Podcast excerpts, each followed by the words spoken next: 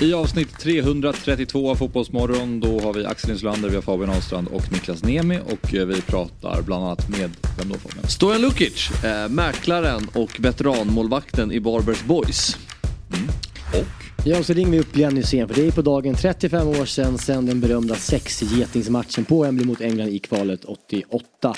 Eh, det är en mysig man det där. Och så pratar vi med Micke Torstensson och han berättar hur förbundet jobbar eh, med att eh, stävja agenternas påverkan i fotbollen. Och så har vi dessutom Henrik Lundström här, skådespelaren. Ja, Tillsammans 99 eh, har jag premiär här i veckan. Mm. Eh, Uppföljaren av Tillsammans, kultfilmen. Och han gillar ju fantasy också så han avslutar med några rekar i skådisvärlden. Det gör han verkligen. Ja, precis. Och så kommer ju Myggan såklart. Så uh, ni hör själva. Tune in! Fotbollsmorgon presenteras i samarbete med Stryktipset, en lördagsklassiker sedan 1934. EA Sports FC 24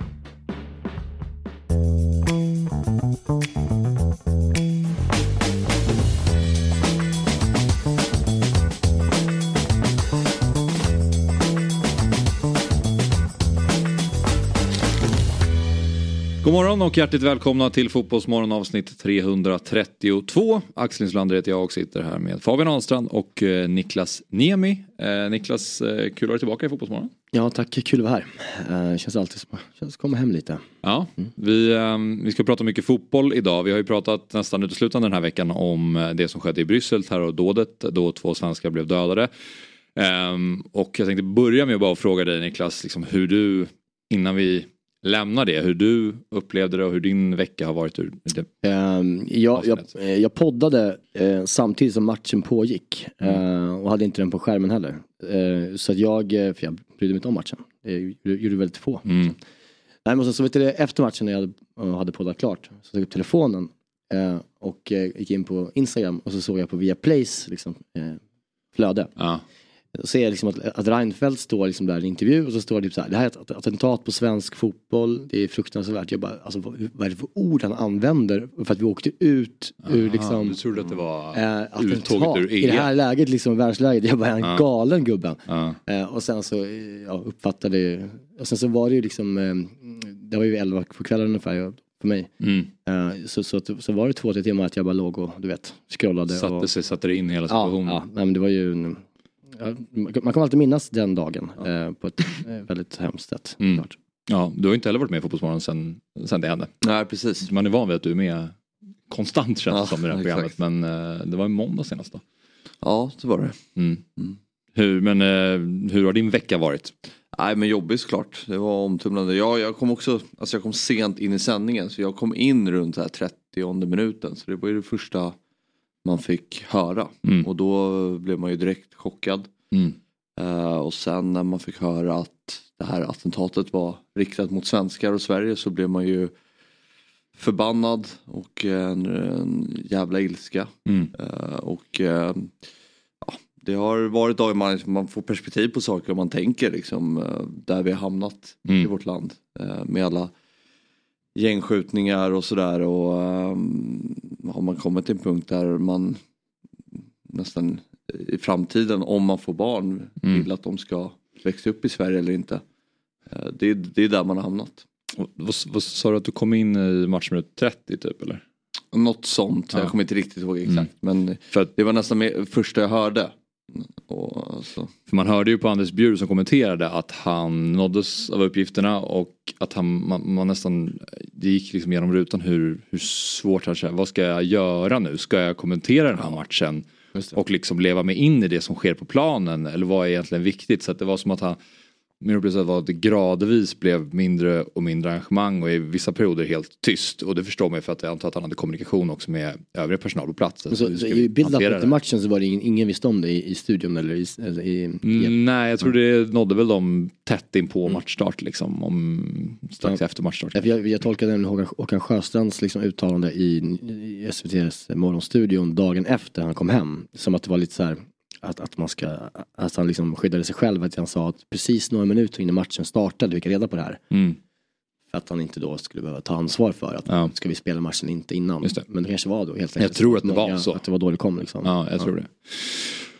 Ja, och igår så skrevs det också då att eh, en av de svenskar som blev eh, dödade i det här terrordådet var den tidigare Sundsvallsbon Patrik Lundström, 60 år. Eh, och hans syskon väljer att berätta om chocken i en, en text. Och eh, de har gått ut med namn och bild på eh, Patrik. Folk kallar kår över ryggen när man ser det här. Alltså. Mm. Ja. Jag ser mina armar. Att de liksom, eh, det reser sig. Ser du, det är en vanlig, det kan vara våran farsa, det kan vara vem som helst. Han är mm. åkt han åkte ju på mycket matcher den här mannen, förstod jag sen. Att han eh, alltid hade på sig landslagströja och var liksom en, en av dem som åkte. Ja precis, de skrev att han verkligen var någon, en fotbollsfanatiker och gillade att kolla på eh, all typ av fotboll egentligen. Så att, som du säger, det blir nästan extra surrealistiskt och påtagligt när man ser ja, eh, man, man, känner ju att det där, liksom, den här bilden är säkert tagen för länge sedan, men man känner ju att det där är liksom på vägen ner. Alltså det där är det ser ut som det är minuter innan liksom, ja. fast det inte är det säkert. Men, men det är bara så här, det finns något påtagligt. Mm. Mm. ja. Arlanda-bärsen liksom har han på sig, eller har, har han i handen. Ja, den är också väldigt svensk ja. ja. Den Arlanda-byrån oavsett. Man ska hitta Patrik, man ska vara från Sundsvall, och man ska dricka en bärs och ta på sig landslagströjan några matcher. Det är liksom det som är eh, det som har byggts sedan 2004, hela liksom svenska supportkulturen med landslaget, liksom han och alla med honom. Mm. Så det, är, ja, det är fruktansvärt tråkigt. Ja det är det och våra tankar går givetvis till Patriks eh, familj och de andra offrens familjer i den här ja, tragiska händelsen. Um, vi ska som sagt uh, prata om mycket annat idag. Uh, också och prata mer om det som, um, som har varit lite grann under veckan fotbollsmässigt men också det som kommer att hända i, i helgen. Och i Fotbollsmorgon så uh, brukar vi ju också gratulera uh, födelsedagsbarn och gå igenom lite saker som har skett på det här datumet, den 19 oktober. Och uh, idag så ska vi säga grattis till två legendarer inom svensk fotboll. Vi har um, Gunnar Nordahl och Agnes Simonsson som skulle ha fyllt 102 och 88 år då. vad har ni på de här två svenska legendarerna? Vad, vad får du för tankar? Ja men det finns väl bara Ja, men... Ähm, Min, det är tomt. Jag, jag, Nej, men det blir ju, det, det är ju liksom... Jag jobbade med... Milan. Eh, Nordahl. Mm. Jörgen Oli. Agnes Simonsson Marseille va? Stor, är det? Nej, det är... Jag läste faktiskt lite om äh, Agne igår. Väl, ma, äh, Atletico Eh, Agnes Simonsson spelade i, Real. i Real Madrid. Real. Eh, och hade ah, ja. en väldigt misslyckad eh, sejour där faktiskt. Och eh, sen så gick han också du till... Du tänker på Roger Magnusson? Nej, nej, äldre. Alltså, Atletico? nej, jag tänker på Marseille. Vet han, sti, de, har, de har ju någon sån riktig legend, en svensk, från liksom 50-talet. Ja, ja, jag har ju för fan varit där. Och ehm, eh, jag vet ju vem du pratar om. Stig typ någonting va? Uh, jag ska kolla upp det. Men uh, i alla fall, Agne, så står det på hans Wikipedia-sida, står det trots misslyckandet i Real Madrid så återstår Agnes Simonsson som en av Sveriges bästa spelare genom tiderna. Så står det lite om honom. Och eh, att han eh, var extremt målfarlig, huvudspel utmärkt och då står det klart Alfredo Di Stefano blev orolig när Agne kom och så kanske ja. hierarkiskt så kanske men, inte Agne fick ta den platsen han, han, han öjsare va? Det är väl det som han skrev va? Precis. Uh, för att jag, precis, jag jobbade med en kock uh, i Norge uh, som var, var, hans barn, barns barn eller vad fan det var. Eller barnbarn okay, kanske. Ja. Barnbarnsbarn måste varit. Han, barnbarn kanske. Han, han, eh, det var en väldigt stor eh, ÖIS-släkt. Eh, ja. De. Är inte Gun, Gunnar... Gunnar... Nu, visste, nu vi kan inte hålla på och chansa nu. Nej det kan vi faktiskt inte göra. Jag skulle googla fram bara. Eh, Gunnar, Gunnar Säffle Andersson. Och det som du pratade om när vi pratade om Marseille. Det var dit, dit jag ville komma. Eh, men ja, Agnes spelade i alla fall i Real Madrid, tre matcher blev det bara, sen gick han till Real Sociedad, gjorde 22 matcher och sen tillbaka till Örgryte. Så mm. hans stor, stora del av karriären var ju Örgryte. Ja, och VM 58 var han väl en del av. Eh, absolut. Så att säga. Ja, Säffle-Gunnar va? Ja. ja, eller Gunnar Säffle Andersson. Jag tror bara att det var Säffle. Mm, Säffle bara. Så är det. Eh, men eh, en annan legendar, eh, här kanske vi kan känna oss lite tryggare för uppenbarligen som har superkoll på Agne till exempel. Är då Glenn Hysén och honom nämner vi för att vi ska prata med honom lite senare i programmet. Och det är också 35 år sedan Glenn fick sex getingar i betyg efter matchen mot England på Wembley. Och eh, då så tänkte jag fråga er, eh, när man pratar sex getingar betyg då har man gjort en otrolig insats på fotbollsplanen och det är väldigt få som har fått det sex getingar betyg i, i Expressens historia. Vad har ni för insatser som är sex getingar? Um, det jag spontant tänkte på när jag fick mm. frågan, att man skulle komma lite förberedd om det. absolut. Då tänkte jag på uh, Erik uh, Bergs insats Derby. mot Hammarby. Det var det första jag tänkte på för den, hans insats är direkt avgörande. Mitt, mittfältare där gör han ju. Ja, han är mittfältare. Det är hans exakt. första match som mittfältare va? Ja det är hans första match som mittfältare. Mm. Det, då blir det ju, ja. Jag minns det mycket väl. Ja, jag med. Gör, får jag fråga dig en sak? Gör han poäng i den här matchen? Han gör tre assist. Och Djurgården vinner med 3-1 va? Ja, Budgie ger väl sista målet. Precis. För jag tänkte bara säga att det vore nästan ännu häftigare om han inte hade gjort några poäng. För att mm. det, det, då är det verkligen en, då är det så ty, alltså om man gör en sån insats utan att ens göra några poäng. Glenn Hysén var ju mittback så det var inte så han inte några poäng i den här matchen. Så blir det ännu ja. mera wow-faktor. Känslan för som, som en allsvensk liksom, nörd som man är. Uh, att man liksom uh, ser den matchen och så, så kommer Erik Berg, han kommit hem ganska nyligen där. Eh, spelat mittback som man kan om man ser honom som mittback. Och sen så kliver han in på mittfältet och liksom gör H-hus. Mm. Eh, med, med, liksom, med, med, ett derby mm. som mittfältare. Alltså tänker man, liksom, vad är det för nivå, alltså, det var en nivåskillnad man liksom inte var beredd på att se kanske. Mm. Uh, och då var ju Bayern som allra ja. bäst också. Ja, exakt, det var ju inte skit. SM-guld exakt. Men det är ju det är lätt om man tänker på sina egna lag och det finns säkert allsvenska insatser som har varit lika bra och kanske till och med mm. bättre. Mm. Men eftersom att det är ens eget lag så blir det ju så här, det blir tydligt. Och i en sån match också, den digniteten av, mm. av matchen. Uh, men internationellt så tänkte jag på uh, Neymar mot PSG när Barcelona gör den här otroliga vändningen i Champions League. De förlorar väl med 4-0 borta. Är det 2015? 14, 16? Senare 2017. Ja. 17 okay. Och Neymar bara tar matchen i egna händer och gör mm. vad han vill. Ja. Och slår in en frispark och gör assist till eh, vem det nu är som avgör. Jag kommer, Sergio Roberto. Sergio Roberto. Och det är en snygg assist i sista sparken typ. Mm. Där han gör där, där han tar bara matchen och gör den till mm. sin. Uh, den, är, den är också så här sticker ut tycker jag. Mm. Um, ja. Sen har man väl så här Zidane, VM 06. Ja, det, är, det är en av mina tre jag ska säga. Alltså, ja. emot, ja, hela, hela VM är ju otrolig såklart men Brasilien var i semi, eller kvartsfinalen där kanske. Ja.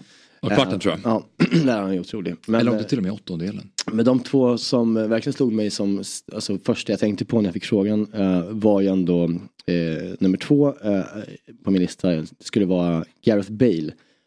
Mm. Borta på San Siro Champions League 2010. Mm. Uh, tror jag på våren för att jag tror inte att det är året om, eh, när, när det, är inte, det är året 10-11, alltså den säsongen. Uh, då ligger ju en riktig skitmatch för, för Tottenham. De ligger under med 4-0 efter 35 minuter. Målvakten är utvisad uh, efter 7 minuter. Aurelio Gomes, kommer Ja, just det. ja. Uh, och han är ju 19 år då. Alltså. Han är ju 19 19 ja, precis det. Han är 89 så han måste vara 20. Okay. Ett. Mm. Ja. Precis. Han är, ja. Nej, han, var hans verkligen eh, stora genombrott där. Ja. Eh, andra halvlek så eh, gör han ju tre mål. Han gör hattrick på San Siro. Eh, ingen vet riktigt vem man är sådär. Eller vet mm. men han har verkligen, här är jag. Ja. Och han, framförallt att göra målen på det sättet som som, som Bale sen gör mål. Alltså mm. han, han liksom, han springer och skjuter hårt.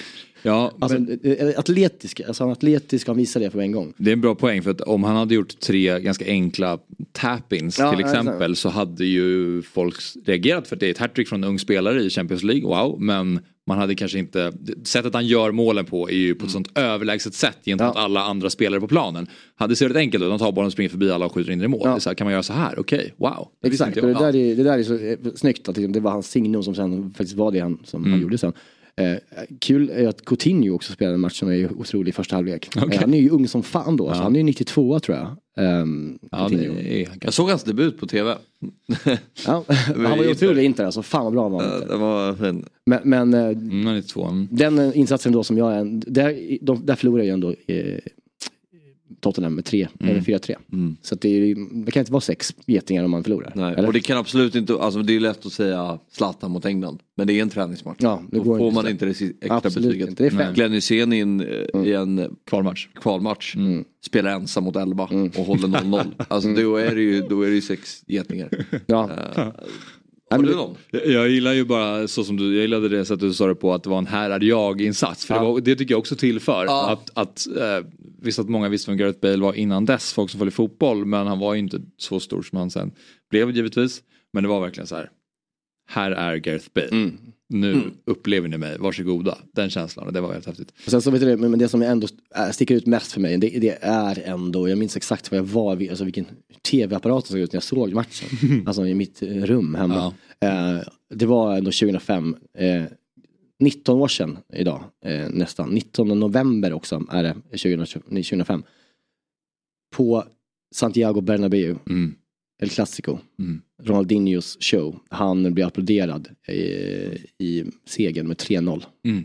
Borta. Det är liksom, det alla stjärnor vet också det att det, det är liksom i, i Galacticos, liksom, inte primary inte men det är liksom alla Galacticos, Galacticos är där. Mm. Det är Zidane, det är riktiga Ronaldo, det är Beckham det är Ramos, alltså det är liksom Raul. Raul, ja. Mm. Och sen så har vi liksom, och även i Barcelona så har vi Messi som har kommit upp precis, startar matchen är ju också så här, han är 19 där va. Mm. Eh, ja han är full, 18. Eh, precis ja. ja. Eh, och liksom, och, hela, och, hela, och vi har Xavi, vi har liksom hela Puyol, den, hela den, allting. Alltså, det är så vackert, det klassiko. Mm. Och han går in och gör en andra halvlek som är helt otroligt. Och, och där han flyter fram på det där sättet sådär snabb som han var också, som man inte tänker på. Men alltså han, Alltså, alltså Salgado har det jobbigt. Ja, men det, eh, ja. Fram första målet, han, bara ving, han, han lite så här, du också tänkte på? Lite Bellingham. Alltså han typ söker upp motståndaren. Mm. Bara kliver förbi, en liksom liten vrickning bara så kliver han förbi och mm. bara trampar förbi. För att om man, om man jämför med Bale, det finns ju vissa saker som är lika, att man känner att den här spelaren är mycket bättre än alla andra. Ja. Men Bale är ju explosiv, så han springer förbi andra för att han är snabbare. Eh, Ronaldinho har är ju en snabb spel, då var han mm. hyfsat snabb. Men framförallt med boll, det flytet och att han, han springer inte förbi folk för att han är snabbare utan han gör det bara för att han är smartare. Mm. timing. Ja men timingen så här, okej okay, du ser ut att gå höger men då, eller du, ja, men du ser ut att gå höger, då kliver jag väl till mm. mitt höger. Ja, nej, men alltså, så, så på 1-0 målet så, så, tror jag att Salgado, han först på mittplan liksom, eh, han tar bollen på mittplan och bara vickar förbi honom och springer, eh, söker upp Ramos. Mm. Och när han går mot Ramos så viker han liksom bara en kroppsfint vänster kliver höger. Mm. Och Ramos, alltså det, han står helt still. Mm. Ja. Och, då, och, han gör liksom Faller ingenting. nästan bakåt. Ja, alltså, han, han så... stapplar bakåt. Ja, det är nog... och han gör ju två mål den matchen och vinner med 3-0 och han får applåder på, på Santiago mm. Bernabéu som inte har hänt sedan dess. Eh, och säkert inte innan heller. Så det är en stark insats. Eh, och folk har också pratat om den här matchen de andra. Alltså det finns ju intervjuer med, med spelare om Ronaldinos karriär. Mm. Med spelare och motspelare som pratar om den här stunden. Mm. Där var han liksom helt ostoppbar. Det... Han hade vunnit Ballon d'Or också typ två dagar innan hade okay. det. Så ja, det var liksom mm. Nej, fan vad, Nej, men att få stående ovationer på, på Bernabéu av Real Madrid supportrar det är inte många som får det. Nej. Som spelar i Barcelona. Nej, så är det bara. Nej, men det är väl den enskilt största individuella insatsen någonsin kanske. Tillsammans med, det finns ju några som sticker ut, med Maradona mot England. Mm. Ja. Men den matchen är ju så symbolisk för mm. honom som spelare. Ja, men exakt. Det är ju den matchen man återkommer till när man pratar om Ronaldinho. Mm. Det är lite och jag menar, Messi gör ju hattrick ja. mot Real ja, två år senare. Ja. Men det är inte lika många som pratar om nej, den insatsen. Den här ma matchen sticker ut mer. Mm. Den, för den är så dominant och den är så... Mm. Ja, det var ett statement verkligen med tanke på det laget Real Madrid hade. Ja. Mm. Och liksom det, det var ju nästan lite David mot Goliat här. Ja. Uh, Ronaldinho ensam mot dem på något mm. sätt. Även fast Barcelona hade såklart ett bra ja, lag och vann ligan den ja, säsongen. Så var det ändå, det var hans lag mot stjärnorna i motståndarlaget. Mm. Um, Men det var också, uh, förlåt tappade jag tråden, uh, fortsätt nu. Ja. Eh, men, ja, du frågade mig Fabbe om det finns några som jag har på rak arm. Jag tänker nog också, vi är lite samma generation och sådär. Så jag tänker också mycket på Zidans insats mot eh, Brasilien. Det borde varit i kvarten för jag kom på att Brasilien vann ju mot Ghana först med 3-0 i åttondelen mm. när Ronaldo gör någon överstegsfint och kliver vid målvakten. Men den insatsen, eh, Ronaldinho givetvis, det finns många, man kan ju gå längre bak i historien också men där har man inte lika bra koll. Men mm. en, en, som bara slog mig, som, ex, som ingen pratar om. Som vi också, som vi kanske inte ska nämna. Ja. Gissa? Ja, gör det. Owen mot Tyskland. Nej, nej, nej, eh, det vet jag inte. Nej men 5 där. Nej, Eisenängen ska vinna guld. Nej alltså nu, nu Svennis tagit över. Ja jag vet, Owen. de vinner borta i München. Ja exakt. Okay. Nej, det här är ganska nyligen i Champions League i gruppspelet när eh, Tottenham tar emot Bayern München och Serk Gnabry gör fyra mål. Ja, nu får vi. ja, men, jag, jag, förstår att du suckar ja. för jag tycker, den här ska inte ha sex getingar för det är Tottenham mot Bayern München och det är ett gruppspel i, i Champions League. Och, och Gnabry var redan, om man jämför med till exempel Bale så var han liksom, ja, men, folk visste han var, han var världsspelare länge. Men på det sättet han gör de fyra målen, det är lite Bale-mässigt. Att han är helt överlägsen och bara gör precis vad han vill och springer ja, jag minns inte allihopa. Mm. De vinner med 7-2 mot Tottenham den matchen. Mm. Det var en ganska rejäl överkörning. Ja, bara, bara det, 7-2 kan Men, man inte... Och, och, nej, precis. och att han ingår i det här laget med för många bra spelare. Mm. Det blir lite så här, han är med Lewandowski och mm. Thomas Müller och mm. övriga. Så det, det, blir också lite för fuskkänsla ja, liksom. Eh, Ronaldinho gör det mot ett, oh. mot ett Galacticos Real. Och det, säger retrospekt eller vad man ska kalla det egentligen. Om man kollar på Ronaldinhos karriär så man skulle kunna hävda att, han är, att, att, att Ronaldinho är också klar där. När han gör den insatsen så det, han blir inte bättre efter Nej. den matchen. Eh, faktiskt, någon gång egentligen. Eh, och så, året efter är han ju bra såklart, de vinner Champions League och han är ju otrolig. Men sen så går det ju nerför. Sen, byter, sen blir det Milan. Mm. Eh. En sista addering eh, med den. Det är, ja, det är så här, att, att, att, en sån match man minns exakt vad man var när mm. man såg den. Det tycker jag är också en, en aspekt som man ska ta med sig. Mm. Jag kommer inte ihåg. Va? var var du? Jag var faktiskt hemma. jag med. Alltså man, alltså, det var ju liksom en... Okay, ja, du kommer ihåg november när man liksom är barn. Du var ju barn för fan. Vad var du? Hur gammal var du liksom? Du var inte gammal. Tio. Ja jag menar det. Jag var ju, eh, ja vad det var. Ja. Det lät nästan som 17. Så här, jag, jag, var på, jag kom på, jag var på så här, min polares landställe och vi hade precis gjort det här och det mm. här. Ja, jag, ja, jag var säkert också hemma. Ja, nej, jag bara minns att jag såg, jag minns att jag såg den hemma och jag minns typ vilken tv vi hade. Och, och sådär. Okay, du minns lite detaljer Jag minns att jag såg med min pappa. Ja, okay, ja. det är väl fair enough. Jag minns att jag hade eh, haft innebandyträning. Eh, november Exakt. 2005. Minns till ja, 17 år. Gick okay. hem, jag gick hem eh, därifrån på innebandyträning och skulle gå och kolla matchen då. Ja. Hemma vid tvn. Och jag minns att jag eh, också eh, hade en stand-up eh, dröm. Så jag, gick, jag minns att jag gick hem och körde stand-up i min innebandyklubba eh, som en mick. Den, och så okay. ett, en rutin. du körde en rutin? ja, för mig själv, i mitt i natten där. okay. Ja. Minns, jag minns den kvällen mycket väl. Helt ja, enkelt. Ja. Ja. då får jag, jag kanske måste börja tänka efter vad fan jag gjorde den här kvällen. Men eh, vi har ju tre andra som har fått sex getingar i betyg varav eh, en av dem är Bruce Springsteen, en konsert på eh, Ullevi tror jag. Eh, antar att det är på Ullevi, det är väl där. Alla, alla hans konserter. Ja. Är Men vi har här Eh, Glenn Hysén, VM-kvalmatchen 1988 mot England. Vi ska prata med Glenn senare som sagt om den här eh, matchen. Det var ju den 19 oktober som den spelades. Brolin insatsen i kvartsfinalen mot Rumänien 94. Tommy Salo höll nollan i båda finalmatcherna mot Finland VM 98 och sen har vi Bruce Springsteen då. Tänk om, tänk om Gnabry mot Tottenham på den här listan. Det hade varit extremt ovärdigt. Alltså, för, har det varit två finaler i VM för hockey? Vad är det för orent? Ja, det var det då. Får han, får han mm. sex getingar för två matcher? Det känns, jag gillar inte det. Men eh, ja, så här ser det ut då. Och ja. eh, de som följer din podd Niklas, ja. Recept Tack. Eh, och de, de har koll på att du kanske inte tycker att Bruce Springsteen är en person som förtjänar sex getingar. Jävla könsrock. Trött. Vad innebär det? Det låter som att han sjunger med, med könet. Alltså det är liksom bara som att Nej, jag gillar inte alls. Jag har aldrig hört det, könsrock förut. Nej, men det är, liksom, det är mycket kön först liksom. Hur, man, hur, man, hur man står och man sjunger. Och liksom, det, bara, det bara låter och brölas. Jag, jag, tycker inte alls, jag tycker inte om jag tycker inte om musik så mycket. Jag tycker inte om gitarrer heller generellt. Jag du gillar inte musik ju, Nej, jag är inte intresserad av musik eh, okay. alls. Men, men, och jag tycker att eh, gitarr är det värsta jag vet. Alltså all musik med gitarr går bort. Framförallt elgitarr. Jävla tråkigt ljud tycker jag. Men då är det här en ganska bra bild på Bruce här. Ja exakt. För han har gitarren och han står lite med könet först. Ja, exakt, det är det jag menar. Det är allt. Okay. Eh, riktigt skit såklart. okay. jag hade en stor, om du, han visade till att jag hade en stor rant på Jerka i podden. Uh, hade du det? Ja, när ah. han uh, hade varit på Bruce Springsteen i somras. Ah. och han berättade hur fint det var. Så berättade jag hur dåligt det var.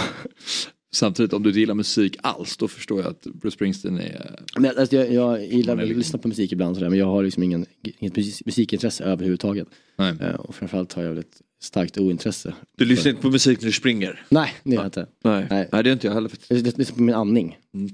Ja, jag gillar också tystnad. Det var ingenting. Nej. Ja, jag föredrar också tystnad.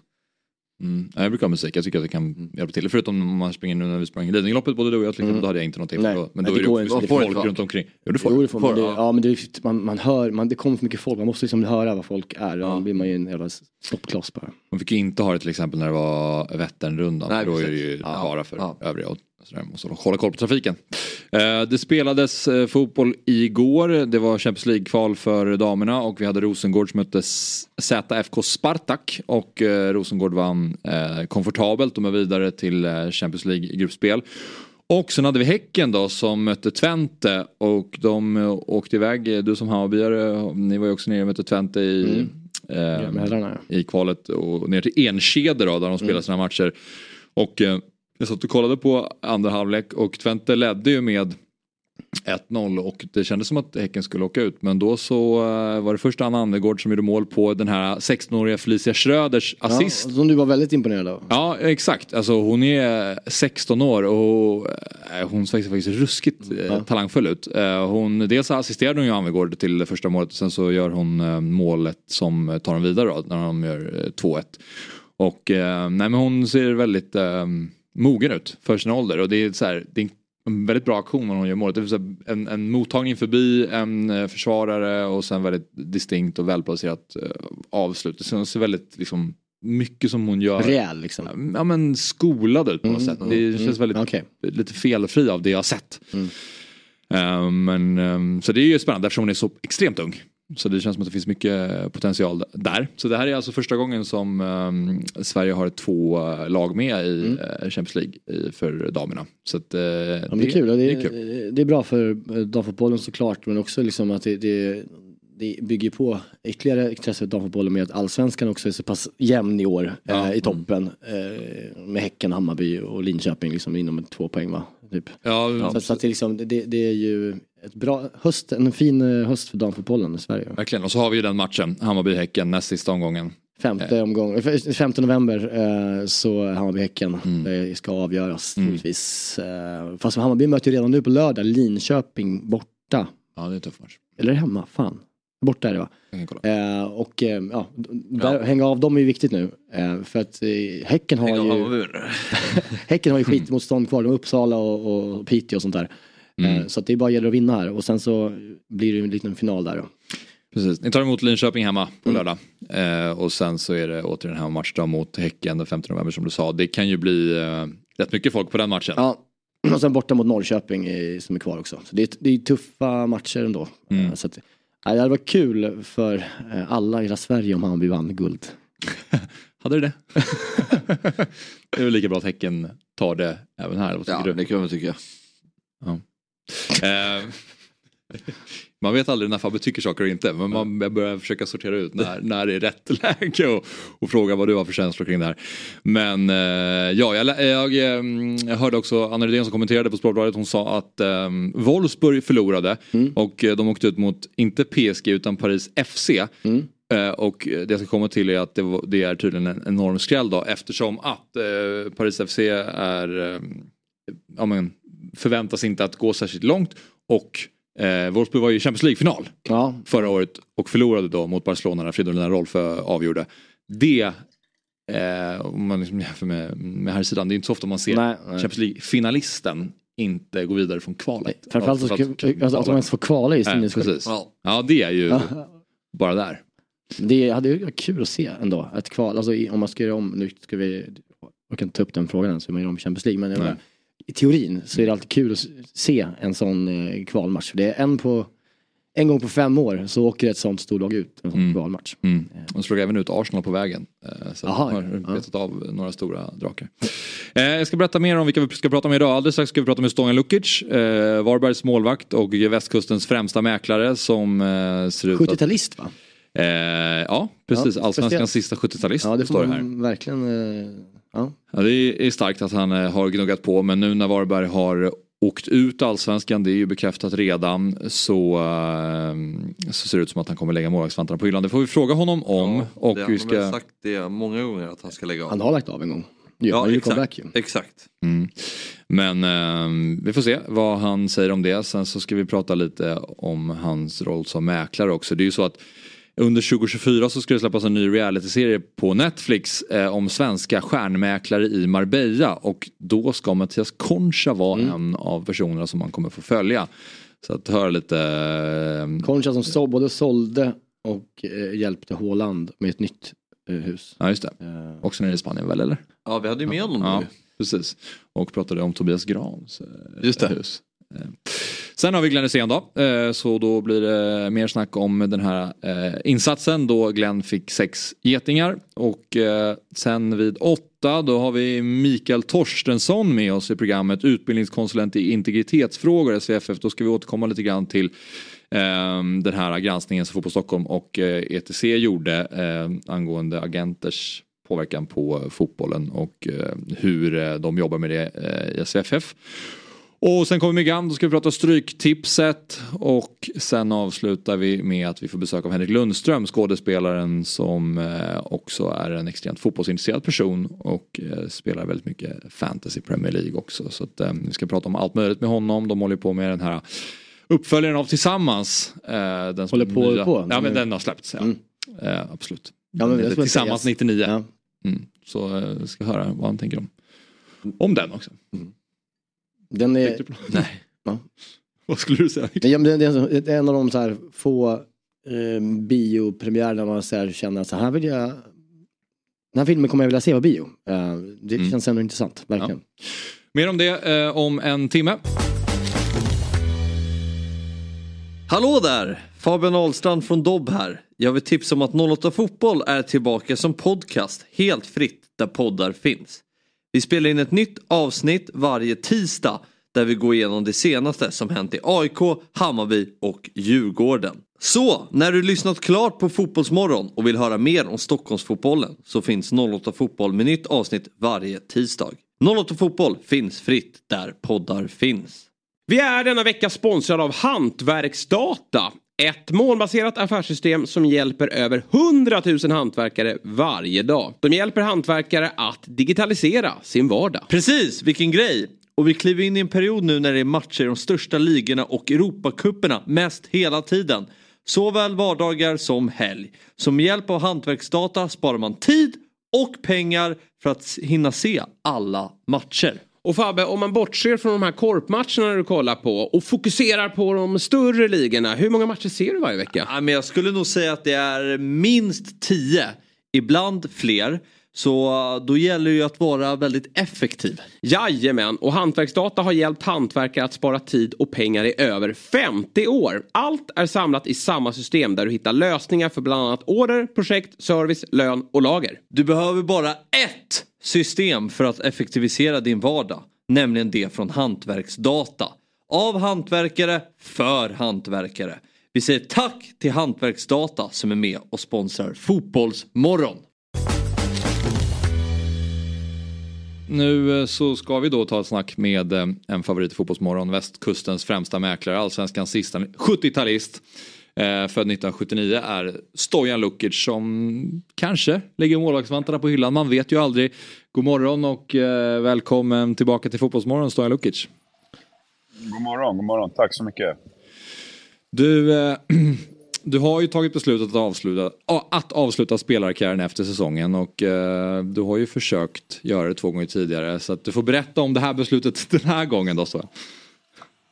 Nej, eh, jag känner väl att eh, ett tufft beslut givetvis, eh, som alla gånger eh, innan. Men, eh, nej, men det, det är så att jag har ju blivit eh, franchisetagare, delägare i eh, Länsförsäkringar Fastighetsförmedling, så jag, eh, det tar väldigt mycket tid.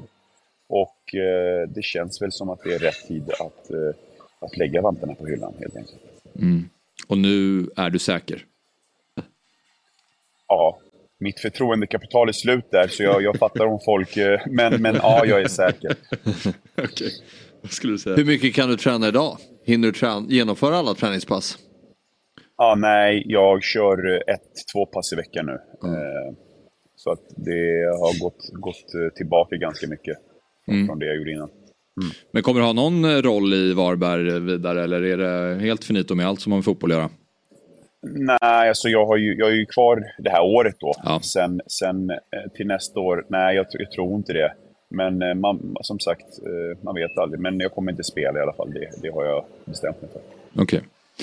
Ja, eh, men lite mer om, vi ska komma in på det andra jobbet som du har då. Men eh, Varbergs säsong, nu är det ju bekräftat att redan nu att ni inte längre eh, är ett allsvenskt lag.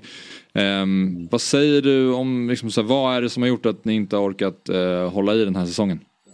Alltså, det är väl mycket, men alltså det är ju bara att vara ärlig att vi har varit för, för dåliga helt enkelt. Eh, du, du kommer sist, jag vet inte, vad har vi? 14 poäng.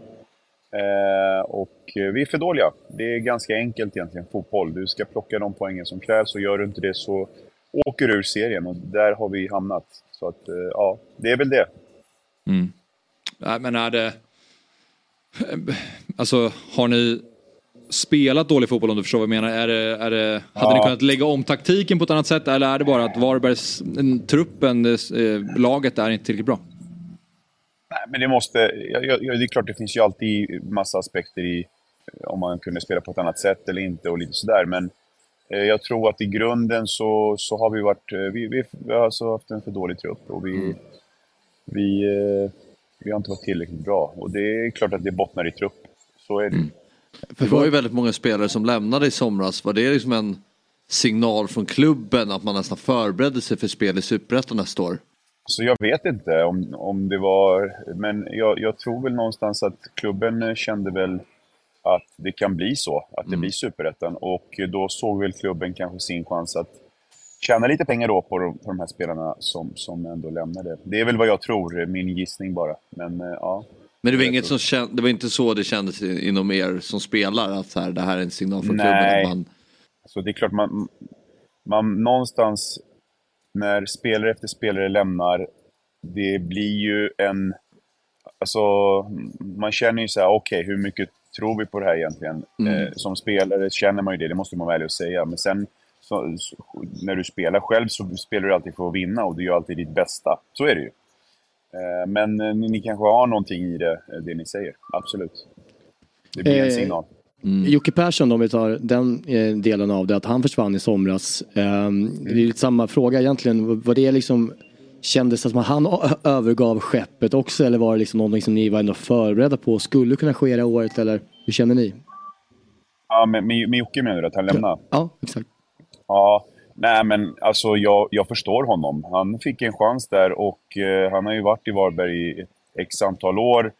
Och eh, det gick lite tungt. Vi, vi låg där nere, så att när den här chansen dök upp för honom så, så förstår jag hans beslut. Eh, rent, rent eh, om jag ska svara på frågan om det var en signal på att han lämnar skutan, så här, sjunkande skeppet. Det tror jag inte, för det var ju, vi hade ändå ganska mycket matcher kvar där. Eh, så, att, så att någonstans, vi spelare trodde ju ändå på det då också, eh, att vi, vi kan lösa det här. Men, men eh, att han tog chansen, jag förstår honom, så kan mm. jag säga. Ja, med allt han har gjort för klubben så kan man ju förstå att det landade ganska bra hos er som spelare också, det fattar jag också. Ja, precis. Ja. Mm. Men eh, eh senaste matchen du spelade mot, var mot AIK på Friends den 28 augusti och till Hallands Nyheter så har du eh, berättat att du har sagt till, till tränare Martin Skogman att du tycker att klubben ska spela med dem som har tänkt vara kvar nästa år. Innebär det här då att du har gjort din sista match? Eller kommer du göra några fler framträdanden i Allsvenskan? Nej, jag tror jag har gjort min sista match faktiskt. Eh, det, var, det var, vi mötte ju AIK, jag tror de låg näst sist och vi låg sist. Och så får vi stryk med 3-0 och det kanske till och med kunde blivit ännu mer. Men eh, då kände jag så att, alltså, det är inte så att man gav upp, men man kände ju någonstans att det är bättre att de som är kvar här nästa år, att låt dem spela, låt dem eh, ge sitt allt. Eh, för jag, jag, som sagt, jag kommer inte vara kvar. Mm. Så att eh, det, var, det, var ett, det var ett tufft beslut, men, men eh, ändå rätt enkelt om du förstår vad jag menar. Mm. Hur känns det då? Tanken av att din sista match är spelad? Ja, det känns faktiskt lite sorgligt, men eh, samtidigt så känner jag mig faktiskt... Eh, jag känner mig färdig med fotbollen om jag ska vara helt ärlig. Jag har spelat länge eh, och eh, känns, känns ändå rätt bra det jag har gjort och, och sådär. Så att eh, jag får vara nöjd. Mm. Idag är det 35 år sedan Glenn Hysén, var 35 år sedan va? Mm. Glenn Hysén gjorde sin eh, insats eh, mot England på Wembley som belönades med sex getingar i betyg. Har du någonsin varit nära sex getingar i betyg om du skulle få betygsätta dig själv? Har du någon match som verkligen sticker ut? Alltså, jag vet inte. Jag tycker jag kan väl få sex getingar för att jag har kval. Alla gånger jag har kvalat har jag faktiskt alltid klarat kvalet. Det kan man väl få sex Ja, verkligen. Ja, men det är faktiskt ja. på riktigt någonting att ta med det, sig. Ja, så det får väl vara det. Sen att man har säkert gjort någon enstaka match som också har, man har varit helt fenomenal. Det gör alla, men, men eh, ja, det får väl vara det kanske då. Mm. Får höra med Expressen om de ja, tycker att det är okej att vara en kvalmästare får eh, vara en av de adderas till ja, listan precis. På, för sex getingar. Men, ja men du är ju också eh, mäklare Stojan och eh, där har du, om vi ska prata betyg, 4,9 av 5 i betyg på hittamäklare.se. Det är ju bra. Ja. Ja, det är, det är helt okej. 4,9 av 5, det får man vara nöjd med. Helst vill man ju ha 5, men vad fan, ja, man får vara nöjd. Ja, det var någon där som var lite, lite missnöjd, men i övrigt så är folk väldigt ja, nöjda med det. Ja, ja. Men, men har du hängt med på att eh, Netflix ska släppa den här nya serien om svenska stjärnmäklare i Marbella?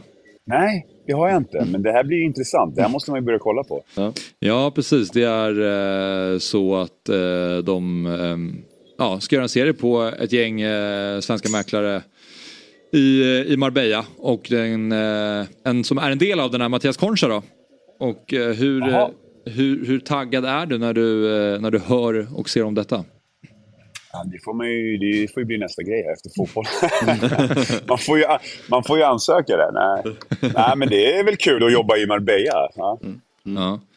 Eh, hur, eh, Tror du att Mattias, hur bra kollar du på Mattias, tror du att han har vad som krävs för att bli en eh, realitystjärna? Ja men det tror jag. Han har, ju, han har ju varit med på de här scenerna så att han vet väl eh, hur han ska agera och sådär. Så att det, jag tror på Mattias.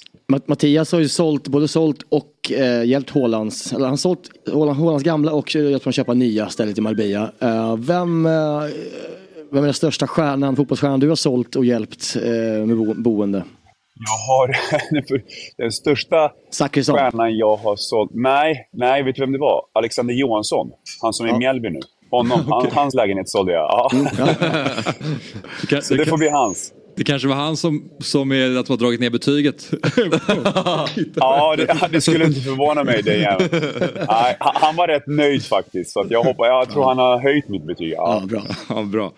Men du, vad, vad som fotbollsmålvakt kan man ta med sig eh, när man jobbar som mäklare? Eh, som fotbollsspelare kan du ta med dig allt. Alltså med, mm. med, med liksom tävlingsinstinkt och, och, eh, och hela den biten. Och, och liksom förmedla, det är ju för sig som målvakt, att förmedla trygghet till dem du, du, eh, du ska sälja till. Och du får ju vara trygg mot, mot din backlinje också. Så det är lite extra det som målvakt kanske till och med. Ja.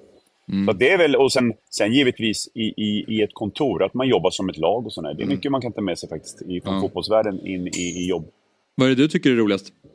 Med mäkleriet? Mm.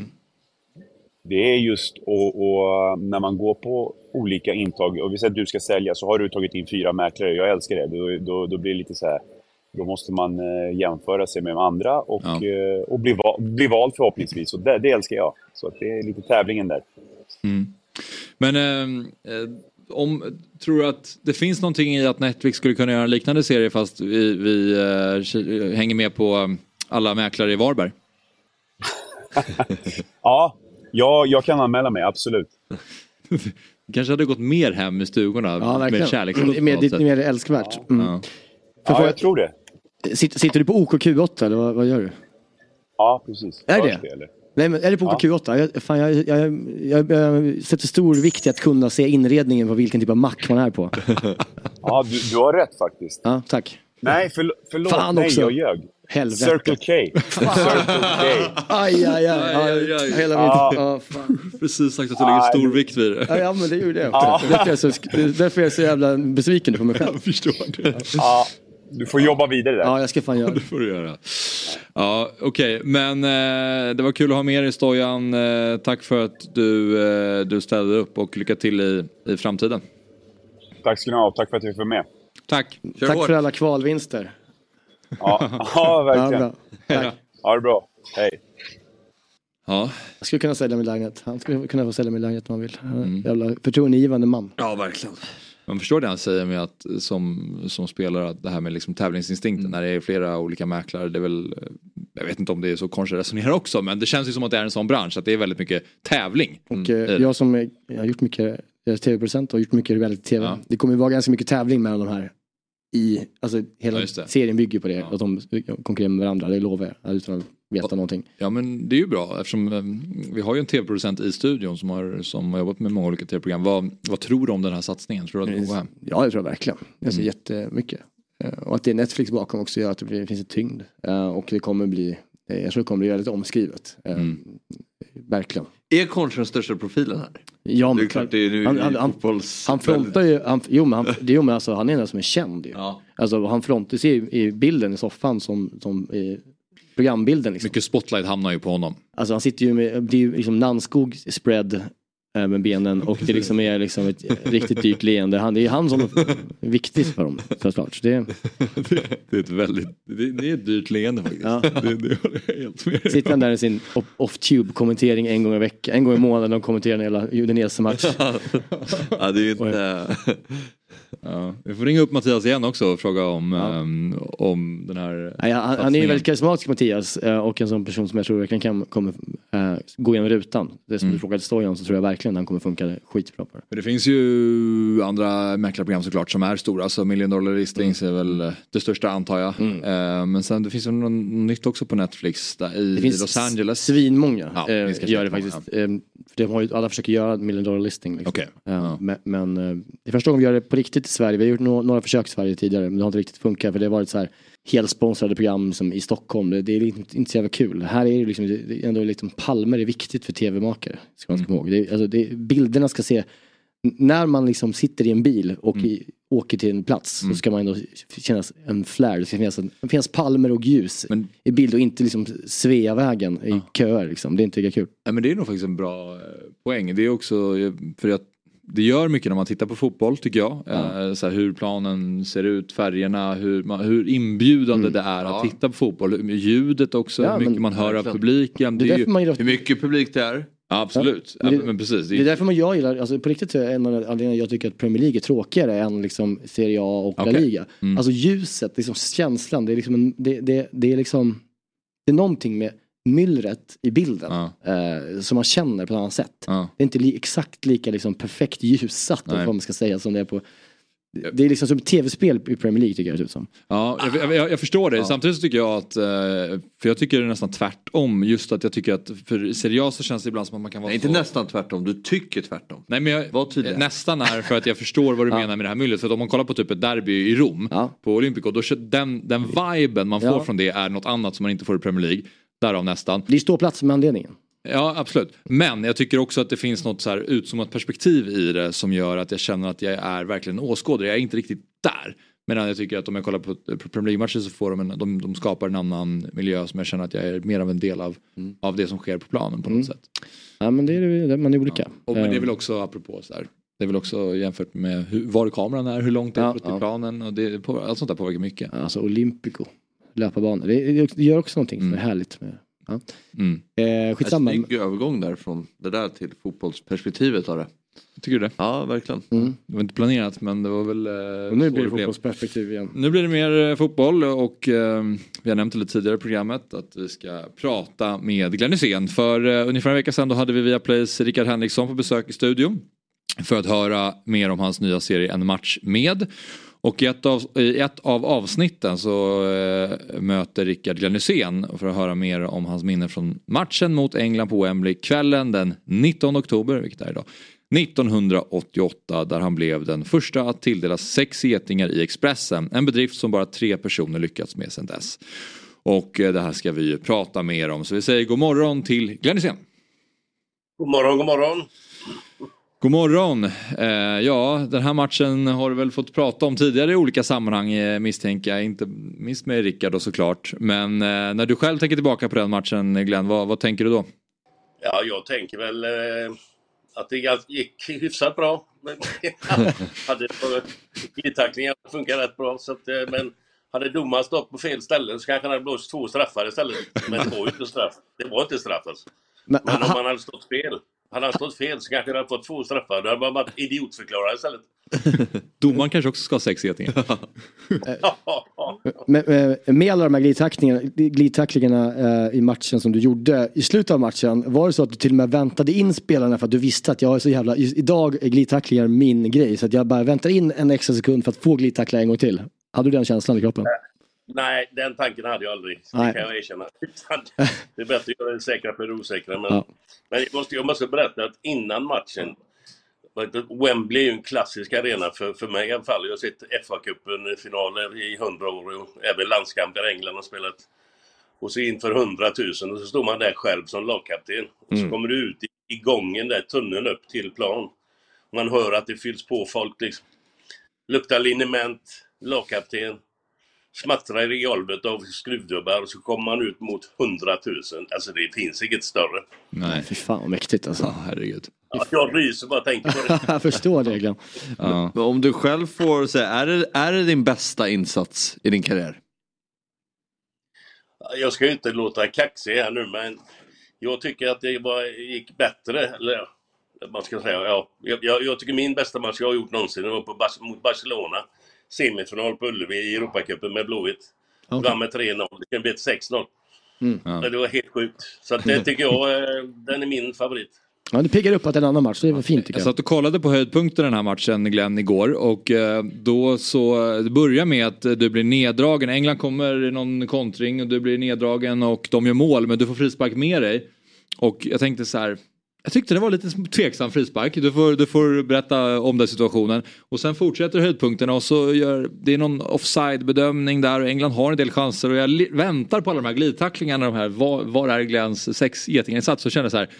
Det här är ju en ganska medioker insats av Glenn. Sen så hittade jag ett annat klipp där de matade alla de här tacklingarna, alla eh, ja, försvarsmässiga briljanta insatser och då förstod jag. Men eh, håller du med om att det fanns några situationer där det också var lite tveksamt? Alltså jag kommer inte ihåg exakt varken det ena eller det andra där utan det, man, får ju, man ser ju det någon gång då och då men inte det just då som du säger. Jag, kan inte påminna mig om vilka situationer det var. Liksom. okay. jag, jag, är också väldigt... Då skulle jag bara ljuga om jag säger det för att jag kommer inte ihåg det. Nej, Något som också adderar eh, insatsen i både lagkaptenbindeln eh, men också att det är liksom 1988 så tycker jag att du var som absolut vackrast också. Du var en mycket vacker man. du var så en ståtlig herre. Ja, det var väldigt vacker.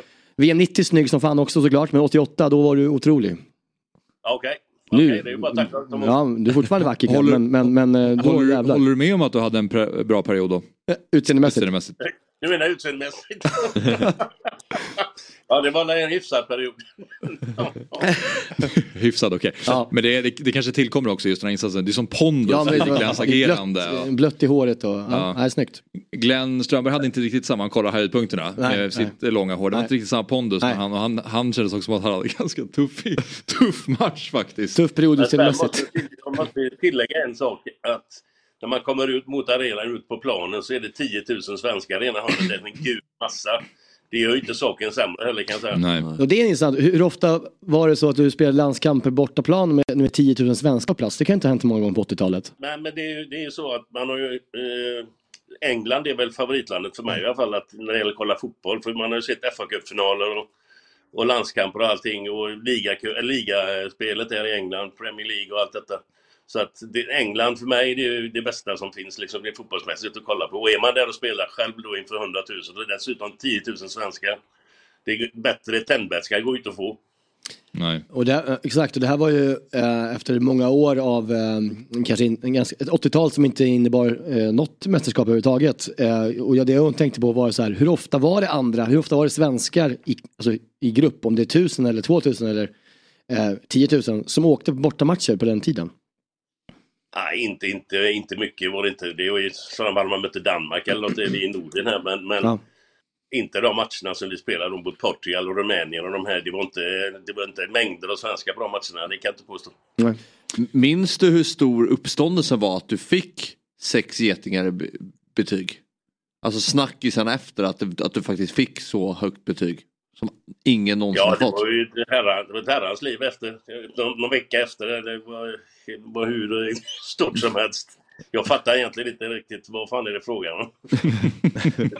men det var ju just det här med sex getingar och att det, det har ju aldrig hänt förut. Det har det hänt efteråt. Men det var, vilka var det? Bruce Springsteen och Brolin eller vilka var det? Ja, och mm. Tommy Salo också i VM-finalen 98. Ja, ja, okay, okay, ja. Okay. Men, men, alltså, det hade ju aldrig funnits en sån grej innan så att det var därför det blev så stort liksom. Vilken match, är det här den häftigaste matchen som spelats in med rent inramningsmässigt eller har du spelat några andra matcher i Italien eller i England som, som har varit uh, ett, ett he, en hetare match på läktaren? Eh, om du jämför. Mm, det är klart det har funnits några matcher man har spelat men eh, med tanke på, eh, på det man, som jag sa tidigare här, man känner till engelsk fotboll sedan gammalt. Det här och så Wembley, en, en klassisk arena liksom och tunneln upp där. Detta, så det, nej, för mig går det nog inte att få en större liksom, inramning av en match. Alltså. Mm. Jag vill också fråga dig bara Glenn, eh, när du minns tillbaka på matchen, minns du själv att du kände dig bra på planen? Kände du att du gjorde en bra insats? Alltså live-recenserade du dig själv och tänkte att det här Fan vad, fan vad bra jag är idag. Fan vad, eh, vilka, vilka recensioner jag kommer få efteråt. Nej, nej det hade jag inte en tanke på. Det enda jag tänkte på var med just två, två glidtacklingar i straffområdet där som satt ja. rätt bra. Och som sagt, eh, det är väl det jag kommer ihåg egentligen. Mm. Men sen, en annan grej som jag kommer ihåg var ju att efter matchen så var ju jag, Thomas Ravelli och Roland Nilsson. Eh, vi var ute och drack bira, kommer jag ihåg. Och så hamnade vi på någon jävla brasiliansk sylta, stod på en scen och sjöng Lili Marlene. Fan vet hur ja, vacker syn. Ja. Ja. Men har, har, du kvar Englandströjan som vi ser på bilderna här? Jag tror att jag har gett bort den till någon av mina barnbarn om inte jag minns fel. Ja, jag förstår. Vems tröja är det? Kommer ja, jag tror att det är Gary Lineker. Oh, såklart. Bra. Mm. Vad skulle du säga? Nej men jag tänkte bara, förlåt okunskap här. Jag, jag, var på dagen sex månader när den här matchen spelades. Eh, gammal alltså. Jag var ett barn. Eh, mycket liten. Eh, var var du liksom rent karriär, karriärsmässigt kände du liksom 1988 på hösten här? Eh, var du i, i liksom din prime eller hur kände du eh, när du gick in i matchen? Hade du ett enormt självförtroende för säsongen som hade börjat eller vart var du helt enkelt? Ja, det jag skulle, skulle nog vilja säga att det var nog piken ja. Det, mm. 88, 89, 90, de tre åren där. Sen att det gick som det gick i VM 90, det är en annan sak. Men, mm. men jag spelade i Fiorentina och spelade i, i Liverpool. Första mm. året framförallt i Liverpool. De åren där, från, från 86 till 91. Det var väl piken. Ja. Mm. För många supportrar så är ju det här eh, kanske det största minnet med dig Glenn och mycket präglas ju såklart av det här att du fick sex getingar. Men är det själv ditt eget största minne från karriären eller har du något annat som, som trumfar det här? Ja, I och med att det, att det var eh, liksom en, man ska inte säga en vanlig, det var inte en vanlig landskamp men det var första Nej. matchen för mig i VM-kvalet där va. Mm. Så det, det, var ju alltså en poäng var vi ju jättenöjda med. Men, men alltså, det är klart att jag har spelat matcher som har betytt kanske lite mer. Och alla de här, eller alla och alla, men eh, Uefa Cup-finalen 82 mot Hamburg. Finalen 87 mot Dundee United. Liverpools, eh, när vi vann ligan med Liverpool. Alltså, det är lite att välja på.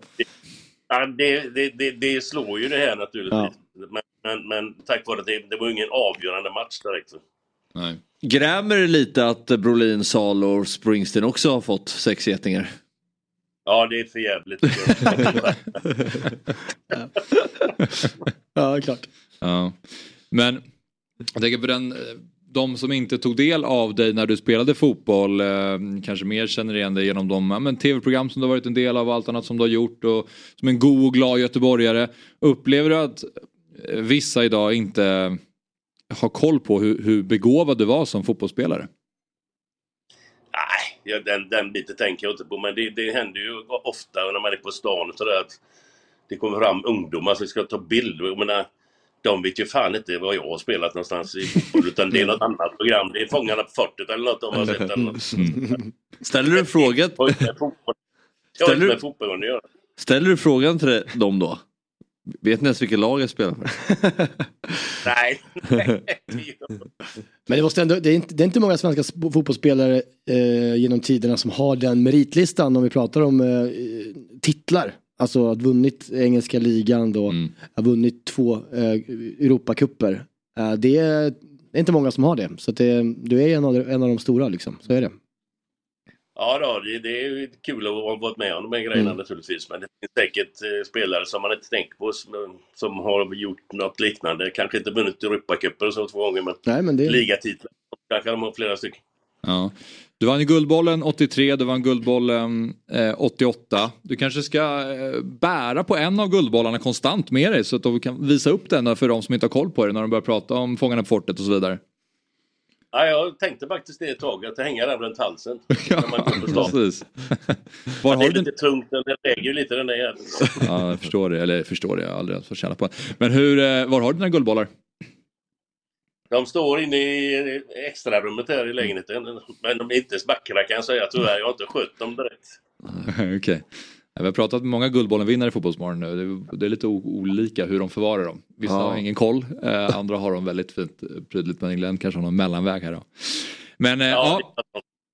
Eh, vi eh, ska eh, runda av här men innan eh, vi gör det så är det så att eh, vi pratade nyss med Stonja Lukic som är mäklare och eh, Mattias Concha, han ska få en egen realityserie på Netflix för han är också eh, mäklare och eh, de ska följa hans mäkleri nere i, i Marbella och du är ju lite av en expert när det kommer till realityserier. Hyséns, FCZ, Farmen, VIP, några av de programmen som du har deltagit i. Vad skulle du ge Mattias Concha för tips när han nu ska vara en del av det här? Hur, hur går man genom rutan? Hur blir man folkkär? Var där själv bara, spelar inte någon roll. Alltså försök inte vara något speciellt om man ska vara med i något annat speciellt. Eller så byter man karaktär varje gång. Men det är, är man mm. sig själv hela tiden så är det jävligt enkelt allting. Mm. Ja, bra. bra. Enkelt, rakt svar. Får hoppas att Mattias yeah. lyssnar. Ja, Mattias Concha han, uh, han kommer bli, bli grym. Han är, han är en rak, uh, ärlig man. Det tror jag är bra. Mm. Grymt, eh, roligt att prata med dig Glenn. Stort tack för att du tog dig tid att vara med i Fotbollsmorgon den här morgonen. Tack så mycket själva, ha det jättegött. Ha det bra. Samma. Kul. Hej. Fotbollsmorgon är sponsrat av EA Sports FC 24. Hösten är igång på riktigt nu Axel. Vad tänker du på då? EA Sports FC24 är nämligen här och det nya kapitlet av The World's Game. Glädjen är här Axel. Ah, Okej, okay, men du tänker så. Samtidigt så vet du ju ändå någonstans att dina barn kommer ju vinna mot dig i FC24 snarare än du tror. Ja, så kan det ju definitivt bli vad det lider. Men just nu är jag faktiskt vassare. Så låt mig leva på de villkoren så länge det varar. Okej, okay. men eh, ska vi ta en match då? Vi kör AIK båda två och så möts vi på exakt samma villkor. Ja, mer än gärna. Jag som trodde att den stora glädjen redan hade kommit, men då ligger den ju framför mig. Eh, det ska bli väldigt fint att slå dig, även om det kommer bli konstigt då att tvåla dit Gnaget kan säga att jag har hunnit öva en del, redan slagit myggan till exempel och dina sparringspartners är ju inte så bra säger du, alltså dina kids. Nej, vi får se hur det blir. Det fina med EA Sports FC24 är att det har rättigheter för mer än 30 ligor där givetvis då allsvenskan är inkluderad. Eh, så finns även eh, Premier League, eh, Serie A, La Liga, Bundesliga, Champions League och många, många fler. Mm. Allsvenskan är dock det enda som betyder någonting för mig Jesper. Ja, vi kanske ska se till att mötas med några Champions League-lag också. City mot Real Madrid kanske. Mm. Ja, vi säger så. Och vi säger tack till eSports FC som är och sponsrar Fotbollsmorgon. Ett poddtips från Podplay. I fallen jag aldrig glömmer djupdyker Hasse Aro i arbetet bakom några av Sveriges mest uppseendeväckande brottsutredningar går vi in med hemlig telefonavlyssning och, och då upplever vi att vi får en total förändring av hans beteende. Vad är det som händer nu? Vem är det som läcker? Och så säger han att jag är kriminell, jag har varit kriminell i hela mitt liv men att mörda ett barn, där går min gräns. Nya säsongen av Fallen jag aldrig glömmer på Podplay. Hjärtligt välkomna tillbaka till uh, Fotbollsmorgon heter programmet avsnitt 332. Axel Nislander heter jag, Fabian Ahlstrand och Niklas Niemi sitter bredvid mig och uh, vi ska nu uh, gå vidare i det här programmet och prata med nästa gäst. I måndag så hade vi Fotboll Stockholms reporter Viktor Asp och ETCs grävredaktör Egil Söderin här på besök som berättade om deras granskning om agentfirman Universal och eh, kopplingarna till gängkriminella och hur de har infiltrerat AIK under flera år. Och då undrar vi hur förbundet arbetar med det här och vad man gör för att hjälpa klubbarna i den här typen av frågor. Och då ska vi prata med Mikael Torstensson då som ehm, ja, dels en före detta allsvensk fotbollsspelare men eh, numera utbildningskonsulent för integritetsfrågor för eh, SVFF. Så vi säger god morgon och välkommen till Fotbollsmorgon Micke. Tack så mycket, god morgon på er. Du, eh, du har ju inte haft den här tjänsten särskilt länge. Eh, varit i tjänst i ungefär två veckor. Så att vi får börja med hur, och fråga hur första tiden har varit. Eh, jo men det har varit bra. mycket läsa på intranätet.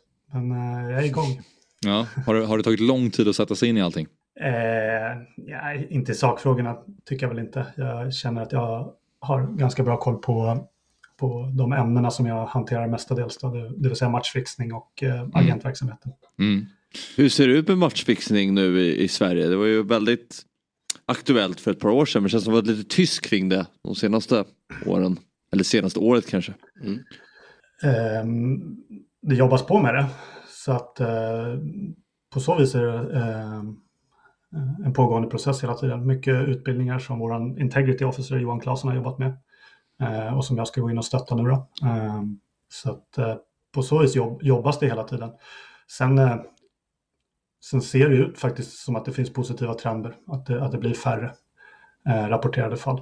Sen är det där en, en, ett klurigt ämne för färre mm. rapporterade fall eh, kan ju också betyda eh, att man hela tiden måste tänka har vi missat något eller eh, han gör de här aktörerna på något annat sätt som vi missar. Så det, det, är svårt liksom att bara basunera ut att mm. eh, allting blir mycket bättre. Men det, det ser positivt ut och eh, det finns ju en hel del som har gjorts även på eh, spelmarknaden och i eh, svensk spellagstiftning som har varit bra. Mm. Men eh, börja från början här egentligen tänkte jag att den här eh, tjänsten förstår jag att den är ganska ny. Eh, vad är bakgrunden till tjänsten och vad, vad innebär det? Vad kommer du, eh, vad kommer du göra? Bakgrunden till tjänsten är att eh, Svenska fotbollsförbundet vill eh, ytterligare kunna nå ut och jobba proaktivt med de här frågorna. Så att helt enkelt vara ute och prata, utbilda eh, om matchfixning och agentverksamheten. Då. Båda de ligger liksom inom integritetsbegreppet. Så det är bakgrunden. Okej. Okay. Och hur kommer det sig att du ville ta dig an den här tjänsten? Ja, det är en bra fråga. Det är två ämnen som generellt sett är förknippade med ganska dåliga saker. Eh, mm. Men jag, jag, har väl alltid tyckt att eh, det är spännande ämnen. Eh, matchfixning har vi jobbat mycket med i, i, i verksamheten som sagt. Jag har ju varit i en, i en klubb med framförallt division 1-verksamhet och stor ungdomsverksamhet. Så den har man jobbat med och jag har insett liksom utmaningarna med det. Och agentverksamheten, självklart någonstans samma sak. Jag har där har man ju varit väldigt involverad de senaste åren.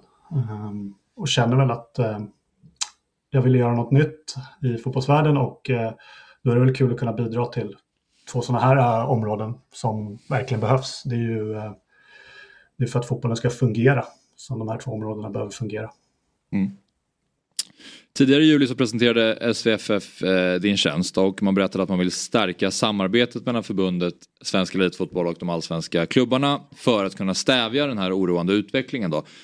Um, har du några konkreta åtgärder som ni kommer jobba med framöver um, som är nycklar för att kunna stävja den här utvecklingen? Ja, nej men det är väl det som är själva poängen att försöka nu först se över vad, vad har vi gjort? Eh, vilka aktörer finns det? Eh, och vart, vart kan vi fortsätta de samarbeten som finns? Eller behöver vi etablera fler samarbeten? Eh, men det finns ju väl fungerande samarbete med SEF, EFT framför allt.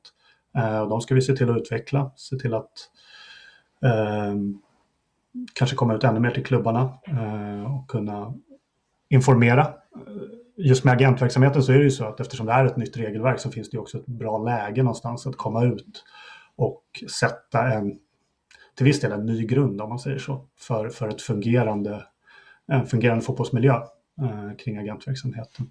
Mm. Så att, eh, det tittar vi på det, och det är allt från möten med liksom, representanter inom SEF eller EFD distrikt. Vi ska träffa Stockholms fotbollsförbund här redan eh, i början på november och då tror jag att det är nästan Eh, över 40 klubbar anmälda. Så det, okay. det verkar finnas ett intresse kring liksom att, eh, att sätta sig in i, eh, i de här frågorna och det nya regelverket kring agentverksamheten, vilket är bra. Är... Och, ja, och du nämnde en ny grund. Hur, hur vill man att en ny grund ska se ut när det kommer till agentverksamheten?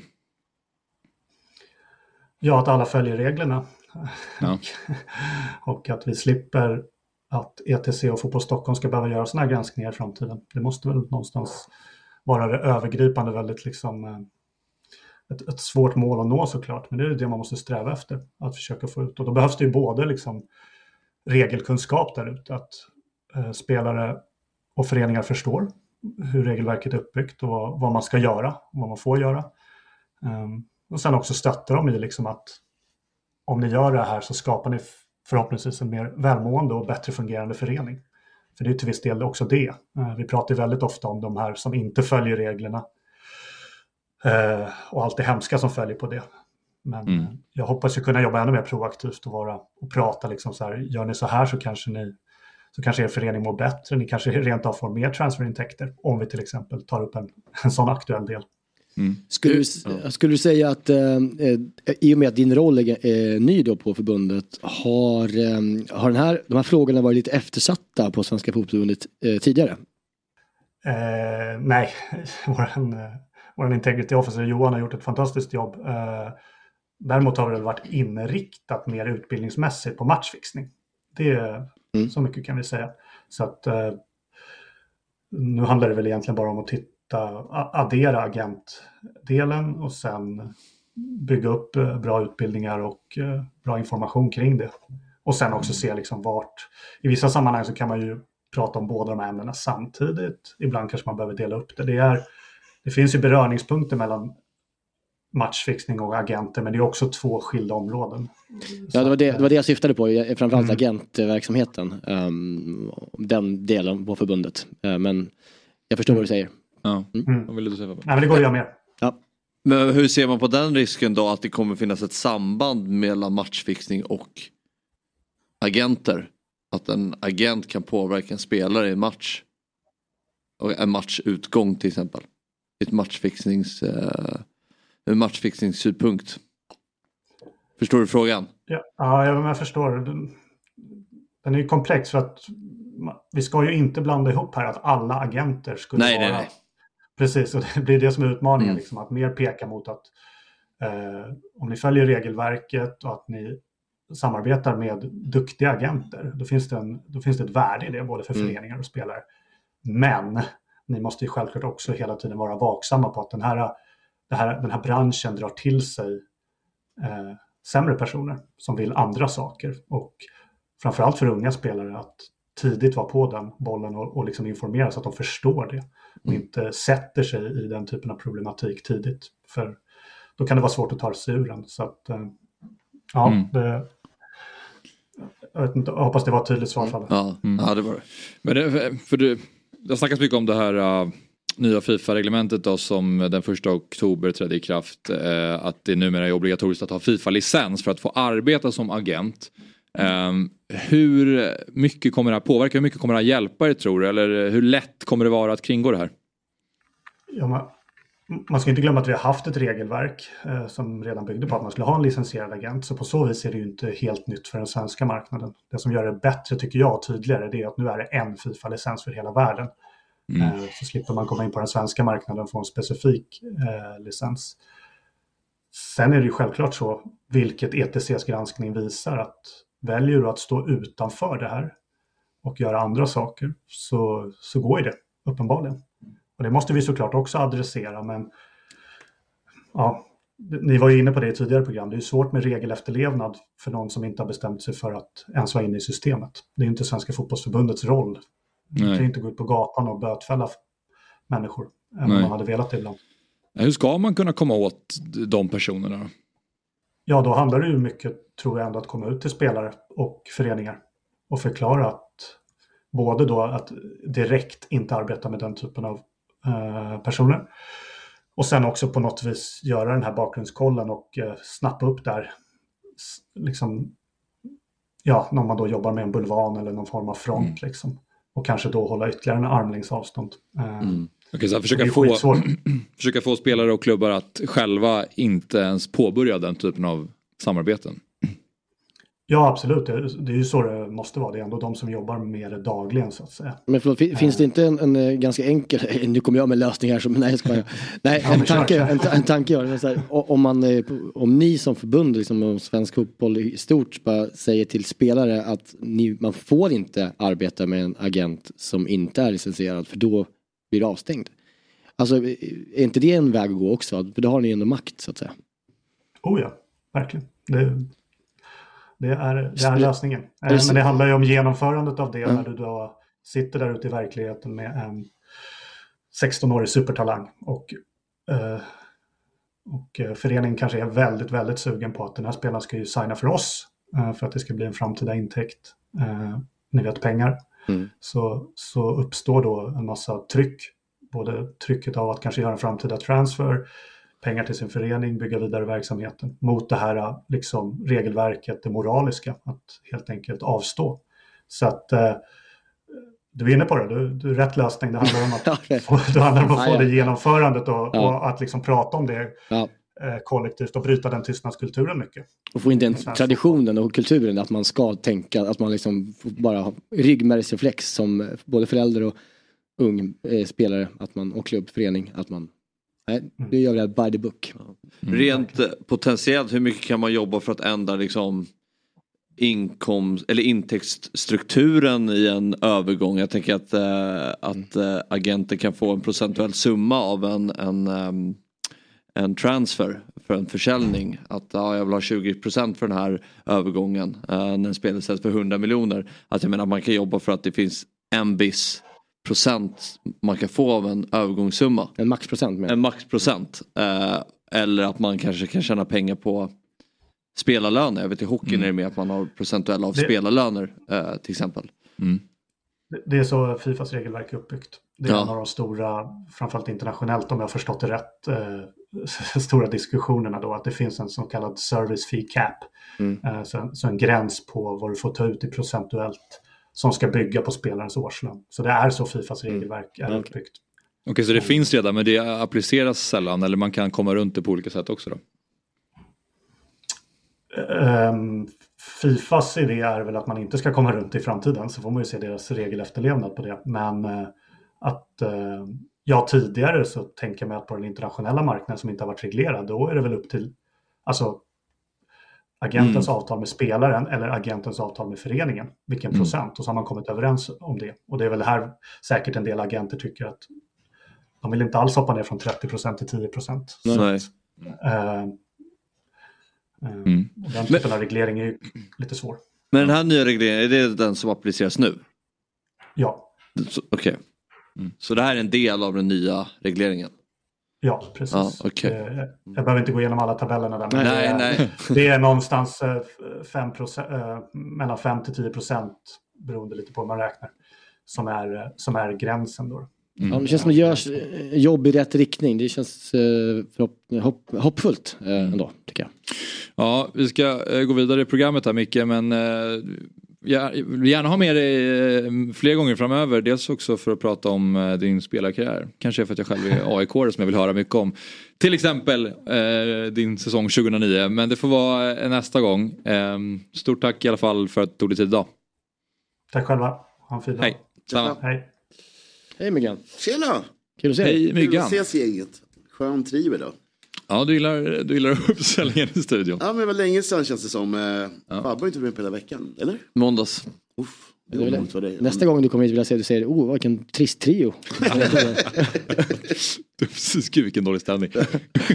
ah, ny här. Man kunde ha krävt mer. Ja, Men ja, det är precis, Fabbe var med i måndags, du bråkade med Axén då om uh, årets allsvenska lag. Mm. Ni, hade, ni höll inte med varandra på någon punkt typ? Nej, jag trodde att det skulle verkligen vara här 11 som vi kommer att landa i att vara överens. Mm. Men det var det verkligen inte utan Nej, han var det... mot varenda position. Men jag vet inte om det var en inställning han gick in med oavsett. Eh, men jag tror han, han hade en idiotisk inställning att man inte kunde spela. Jag lyssnade på det avsnittet. Ja. Uh, att man inte kan, um, att man skulle spela hela, avsluta säsongen för att vara en del av, av just det, just det. Ja. elvan, vilket är idiotiskt. Ja, jag tar de som är bäst. Ja. Mm. Precis, du hade till exempel Sadik med ja, Traoré. Traoré så. Mm. Särskilt med en sån säljande liga på något sätt. Ja, exakt. Så det är svårt. ja, nej, men det är ju, de spelar ju ofta det här på, under våren. Ja. Um, mm. Men uh, eller måste vi gå in i stryktipsdelen nu? Jag tänkte bara man ska landa lite i det, det vi okay. pratade om. Mm. Vad, vad kände ni? Nej, men jag, som jag sa i slutet, jag tycker det känns hoppfullt att det finns ett, ett nytt eh, regelverk som implementeras. Och att förbundet tillsätter en, en roll för de här delarna också känns ju bra. Mm. Att det eh, ändå görs saker, att de är på tårna. Så ja. känner jag. Ja. Mm. Jag upplevde att, um, precis som du säger, att det, det gör saker, sen att det är lite liksom, rörigt hur allting ska fungera liksom, i praktiken och att det är många nya regelverk och när de kommer, mm. liksom, när allting funkar som det ska funka. Om det kommer göra det. Men det, för det finns ju mycket. Det kommer aldrig göra. Nej det kommer kanske inte det men det finns mycket strategier hur man skulle kunna stävja det här. Men nyckeln är väl att faktiskt också kunna applicera det i verkligheten. Ja. Ja, Jag har verkligen länge tänkt på det här med, liksom, med tanke på hur ekonomin växer inom fotbollen. Att det är mer och mer pengar in så finns det ju mer och mer ekonomiska incitament för onda krafter. Ja, och lägre, lägre nivåer. Ja, på lägre nivåer. Och eh, jag har alltid varit förvånad att man inte har satt någon så här tak för hur mycket man kan tjäna som agent på en spelartransfer, en övergång. Mm. Eller att man kanske ska ändra till att man ska ha en procentuell del av en spelares lö, äh, lön. Ja. Eh, men tydligen så har de ändrat det. Får se om det, hur mycket det kan liksom efterlevas. Nej precis, hur mycket det kan ge. Ja men eh, Och sen Myggan. tror jag också, för bara det, jag tror Ja. att han är perfekt för den rollen. Ja, du- jag, du själv- känner ju lite jag, jag har haft honom som sportchef och eh, väldigt kommunikativ och bra. Så fort det var något, något litet som var tvungen att informera så kom han in och var väldigt eh, informativ och nej, men, eh, väldigt bra Mm. för den rollen eh, tror jag. Bra. Ja men eh, när du är här på torsdagar Myggan då brukar vi prata Stryktipset. Ja men exakt. Och det ska vi göra även denna gång. Mm, kul att det är tillbaka igen allting. Ja eller hur. Eh, Sju PL-matcher. Sju PL-matcher och så det, det är liksom Niklas spaning och så har vi Fabians spaning på tipsrundan. Jag måste vänta in hur det känns. Men det är väl ganska bra fördelat va? Ja men det här, jag ser ju ingen tydlig... Nej. Det, Det, är- det, är Ja, du följer ju tipsrundeteorin. Ja, det det. Och det du menar här är att man, eller du får berätta själv. Nej men tipsrundeteorin grundas ju i att när du går på en tipsrunda Ja. och det är fyra raka ettor då kan det inte vara en femte rak etta. Det är ju någonting som är fel. Mm. Då kanske man ändrar fråga tre, svaret på fråga tre för att det känns, ja, något är lurt. Ja. Och den går ju ut på så att det, det måste vara jämnt fördelat som en tipsrundekupong. Ja. Och så... det, det du pratar om är ju helt vanlig magkänsla. Ja. kanske man ska und- undvika i spel. Man bra går ju regel. inte på liksom, vad man tror på utan man går på alltså, att den här raden ser, ser bra ut. Liksom. Ja. Att den följer tipsrunde. Är tipspromenad en svensk grej eller finns det internationellt? Ja, det undrar jag också. det känns oerhört svenskt. Jag såg, någon som, jag såg någon som skrev en tweet om det. Är det bara i Sverige vi går på tipspromenad? Nej, det, Kan kan man- ju vara, det kan ju vara Finland också, eller hur? Ja. Ja, Väldigt underskattat. Ja, men jag tänker just det här med med motion och eh, lärdom. Alltså. Det känns lite nordisk gren. Ja, kanske. Eh, norrmän känns det, eller hur? Gå på tur. Ja. Men det du menar, om, om, om du själv sätter upp en tipspromenad så sätter du ju inte att varenda rätt svar är rätt. Nej precis. Eller du, du, kanske det man du gör. blandar lite. Jaha. Du försöker variera det. Eller så är det det man gör. Ja, det är smart. Men eh, tipsrunda är väldigt underskattat. Det är också en, en i Sverige som säger tipsrunda, det är tipspromenad. Ja, tipspromenad. väldigt underskattat. Man har väl lite dött med, Ja, med Google och telefonen. Ja, just det. Men nu när det sitter i ett det rum, och, eller hur? Står starkt ändå i... Det öppnar upp för korruption. Vad är det du gillar så mycket med det? Nej men socialt. Det är liksom inte bara quiz utan du hinner gå lite och prata om annat. När det är quiz tycker jag kan bli väldigt mycket eh, quiz, quiz, fokus nästa fråga. Du hinner liksom inte slappna av och prata om annat. Men där kan du gå och mellan Du frågorna. har fyra fem meter mellan träden. Nej, nej, nej, nej. Där du kan snacka lite. Nej, nej, 150 meter ska Det ska vara en lång jävla ja, ja, det är en lång Det är en orientering. Ja, det, Du pratar ja, där, exakt. Det är halvvägs till en orientering. Ja, men eh, till stryktipset Myggan. Eh, orientering förresten, har ni sett när de körde med drönare? Nej, de börjar med Vilket drönare. lyft för sporten. Ja, det är klart det är helt chockad. Du får följa efter dem och de springer så fort Ja. och trillar för berg håller på. Jag var helt eh, Jo, blown away. det har sett i skogen. Ja, ser. jag Det- visst, det liksom följer med runt om. Ja. Du är som en jävla rallysport Ja, men det bara, är ju bra. Ja, ja, visst. Det har varit en av Sveriges sämsta sporter ju, det är tv-sporter. Ja. Ja, verkligen. Alltså, det, här, det här var mer orientering på tv. kan tipsa om ett, ett sketch bara snabbt. Eh, en norsk sketch eh, om en orienteringsfantast. Så Orienteringshumor är bra. så, alltså sketchen går ut på att han åker runt i hela Norge och eh, kollar på ori- orientering då. Och sen så laddar han upp och sitter och så, så på där i starten och så springer de iväg och sen så går han runt och väntar i tre timmar. och så kommer de. Och så kikar han i två sekunder och sen så är det eh, sporten över så, så åker han vidare till till nästa. nästa. så, så såg sporten för oss tv-tittare också. Men, Ja, ja, ja, verkligen. verkligen. Ja, absolut. Nej, men man har ju man sett en O-ringen någon söndag eftermiddag. Ja. Deppigt. Men Eh, nu lyfter nu är den, vi nu här. lyfter orienteringen. Ja. Ja. Spiken eh. Spiken blev eh, United. Mm. Match nummer två, Sheffield United mot Manchester United. Jag kan inte se varför man ska slösa mer där. Sheffield United har alltså en poäng efter åtta omgångar. För då har ju United egentligen en ganska svag form. Men om man kollar på landslagsuppehållet så eh, Höjlund gjorde mål, Rashford gjorde mål, ja. Bruno Fernandes var Ja. bra för Portugal. De har ju, de kommer, det kanske var ett bra uppval för United. Ja, jag tror det är många viktiga perfekt, spelare. eh, som- motstånd efter tror jag också. Ja. Så riktigt skönt. De är ju klappkassa Sheffield United. Det Mm. måste man ha, ha i åtanke. Så spartecken tycker jag och ta den. Eh, och sen står jag ut mitt drag. Det blir då Brentford Burnley där hela. För att det är lite lurigt det där. Brentford har inte vunnit sedan den 19 augusti. Nej. Det är kryssats en hel del. Och det är ju ett problem helt enkelt. Och Burnley har haft ett uppehåll på sig där spelarna, många spelare har varit kvar. Så kanske få ihop den här tråkiga Burnley-bollen och, och chocka alla och vinna. Jag frågar, har han gått ut, hur länge, hur lång tids, hur länge, hur länge är han borta Hjalmar? Alltså, Jag vet inte. det betyder så mycket Burnley kanske men Nej, men inte Nej, men jag, nej, jag vet faktiskt inte. det känns som det är liksom något riktigt skit där. Ja. Jag bara känsla, det, Ja, och nu tappar de ju han Beijer också som varit en viktig eh, back för dem. Så de har ju lite backproblem. Nej. Det här är väl en, bara en skiss. Eh, ja, exakt. Ja, exakt. så fort den här, eh, när du, när du lämnar studion, då tar du bort ettan för Chelsea och, sätter den på en annan match. Arsenal okej. vinner ju mot Chelsea. Så tror de vinner det Enkelt, ja ja. Ja. Det är ju bara Chelsea, du Chelsea klappkassa. Det, är ju, det finns inte en chans att Chelsea men vann får de poäng inte där. innan? De vann ju nog här innan, innan uppehållet. Ja, jag vet, men det spelar ingen roll. Nej, okej. Och det är... Apropå Burnley, de körde över Burnley borta. Ja, exakt. exakt. Men det spelar ingen roll. Nej, okej. okej. Ja, vi får se hur jag gör. det är det fina. Det är det fina, man får göra som man vill. Hotfullt. Det lät kanske inte som att den där, den där ettan kommer försvinna. Nej. Nej men det är, det är lite, lite odds och lite sådär och hur andra spelar och sånt man får ta hänsyn till. Men det är fint Fabian att du tar ställning. Tack så mycket. Ja. Eh, sist blir min varning Norwich eh, som på oddset är Typ de var uppe i, det var nere i 2,30, nu är de uppe i tre gånger pengarna, nu är Leeds favoriter. Men svenska folket tycker Norwich är favoriter, vilket är väldigt konstigt. De har Sargent out, som är den amerikanska anfallaren som är i VM. Leeds är ju mycket, mycket bättre och eh, ja, men allting talar för dem. Även är det så att Norwich borde ligga på, jag skrev upp här, de, alltså XG då på deras, posi, posi, XG fel ord kanske. Alltså expected eh, placering, Ja, okej. vad det ja, nu ja, blir. ja. Eh, är alltså 19 plats och de ligger på sjätte. Mm. Det säger någonting. Och Leeds eh, borde vara sexa och ligger sjua. Så att, eh, Mm. Okej, jag, tycker ändå att, eh, Ja. jag tycker ändå att här har vi ett bra case för en kryss två. Ja. Så det är väl den kupongen helt enkelt. Eh, Mm. men lite mer filande och sånt inför lördagskupongen också. Så andelarna är uppe redan nu. Tycker du att det är en rolig kupong? Det här är en jättekul kupong. Mm. Eh, om man lyckas fälla någonting. Eh, så City är ju inte kul att ha med på kupongen. Svenska Spel har tagit bort dem rätt mycket under hösten. Okej. Eh, vilket jag tror många har uppskattat. För att det har varit rätt tråkiga matcher. Men här är det ju kul. Brighton är ju ändå Och, och Citys form svajar ju lite. Ja men precis så, precis så. Och kan man fälla City kanske och United om man har tur. Mm. Liksom. Match nummer 13 också, Leicester kommer nog bli en stor favorit. Få bort dem kanske. Ja. Då blir det ju eh, säkert jättebra utdelning. Så att, nej, det här det här är en jättekul omgång. Känns som att antingen vinner City eller förlorar. Tänkte man tar Du tycker kryss- ty- krysset ska bort också? Ja, jag tycker det. Avig Det lillebror. kommer lite... eh, Aldrig varit så missnöjd med Nej. det. Nej, men det, nej, det är inte missnöjd, det är feedback. Ja, tack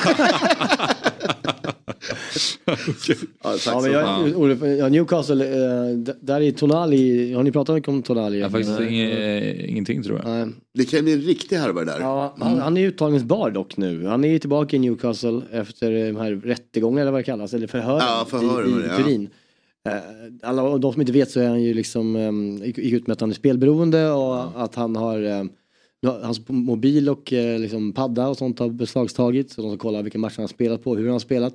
Han har själv sagt att han spelade på matcher eh, i, när han spelade i Milan för Milans liksom, ja, eh, alltså att de skulle vinna då. Mm. Eh, men men, eh, Men vi- ja. som jag har förstått det så är det okej för spelare att betta eh, generellt men att han har gjort det via några eh, fulföretag som liksom inte, som illega, Ja, det- illegala det- bettingbolag. Jag läste liksom någon italiensk eh, tant igår som berättade att i Italien är det ju olagligt att betta. Okej, bettar dina ja. Nej. matcher. För, Så för att, jag, eh, nej, inte på det- dina det- egna matcher men, eh, vi mot på Nej men matcher. även eh, för att han, Okej. han är Juventus som erkände först av de här, jag vet inte vad han heter. Ja, Han blev ju avstängd i sju månader. Ja, sju månader. Och eh, han kom undan rätt lindrigt för att han erkände, alltså Tonali är ju värre fall. Det är ju Hon- hon var ganska inne på three, det. three year ban. Ja, exakt. Att det kan vara, eh, Eh, I och med att det var egna matcher med i hans, även om han spelade på vinst så var hon så här, det, det han har gjort är ju värre, det ska man ha i åtanke. Men hon var också att han gick ju nog ut med den här spelmissbruken i och med att han hade ärs- alltså det är ett sätt att lindra straffet. Så. Ja. Men det, hon hävdade att det skulle gälla i Champions League och England också. Ja, jag läste i- det går igenom Uefa. sätt. The Guardian, liksom, om, om det faller väl ut för honom så kan det gå ner mot ett år. Alltså han, Ja. han, han, det kommer inte bli bra för Tonali. Nej okej. Och Nej, där jag- kan man ju jag- undra jag- med jag- Milans försäljning. Ja. eh, Det finns ju misstankar Ja. där kan man ju tycka att de sålde han rätt bra. Jag har försökt förstå om det är att han har spelat via de här illegala sajterna som är problemet eller om det har varit att man inte generellt får betta. Och då har jag läst lite olika uppgifter så det är mm. inte helt eh, ja, Det är väldigt tragiskt med en sån fin uh, spelare tycker jag. Uh, ja. alltså, när han var i Brescia redan. Alltså, hade, han, var, han var sån jävla, och han var så lycklig han fick komma till Milan, liksom barndoms... Uh, alltså, han är ju stor supporter sedan barndomen. Mm. Uh, och han var så jävla fin. Och, ja, första året var han ganska dålig. Det blev skitbra när de vann guldet där. Och... Ja, det var fantastiskt. Men det är verkligen intressant. Om, om de visste om någonting om det här hade det varit kul. Det är riktigt italiensk ja. fotbollsexercis. Det kan ju verkligen. Mm. Honom dyrt så in i helvete. Mm. det var ju en, en speciell övergång. Verkligen. Man ihåg. Alltså, han ville ju inte gå. Nej, nej, nej. Så att, eh, det kan ju vara att, vet han, eh, Maldini och gänget. Ja, jag visst hade någon, någon feeling på det. Och sen är det ju, eh, eh, vad var det någonstans? Ja, det är mycket kul med den här, eller kul är fel ord, men det är mycket spännande med det här. Ivan Tony tänkte jag på. Ja, I och med det ja. exemplet så är också Premier League nu tvungen att också hålla uppe den linjen ja, med vad det är. Så att det... Han är ju ganska snart tillbaka faktiskt. Ja, det är väl exakt. december som han... December, januari tror jag. Ja, mm. kanske. Men eh, ja, så här ser eh, dina tecken ut i alla fall. Så får vi se om du följer Fabbes feedback. Mm. Och, ja, men jag har ju chans att ändra mig. Redigera lite grann inför lördagstävlingen mm. mot Hoffman. Ja, just det. Men eh, ja, eh, man kan eh, rygga myggan och det är dobb.one slash stryktipset som gäller för att gå in och se våra olika andelsspel och så har man ju QR-koden såklart. och Stryktipset det är en produkt från Svenska Spel, Sport och Casino AB. Det är åldersgräns 18 år och om man har problem med sitt spelande då finns ju stödlinjen.se. Jag kommer stötta myggan och rygga spelet. Tack Jimmy. Oavsett om det tas in några fabb. ja, men det är helt rätt. Det är helt rätt. Nej, men jag, är, jag är på gång, jag känner det, det är bra. Tolvorna haglar nu, alltså det har varit mm. eh, tre rad så nu mm ska det smälla. Ja, så, ja.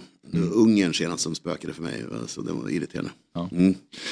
Ja men eh, så vi säger så då Megan. Ja tack för det. Jag vet inte, vi, vi har ju en gäst ja. som ska komma in i studion nu. Han är på en, plats. En Liverpool, så vi, Liverpool-broder. Precis, mm. så vi skickar iväg dig.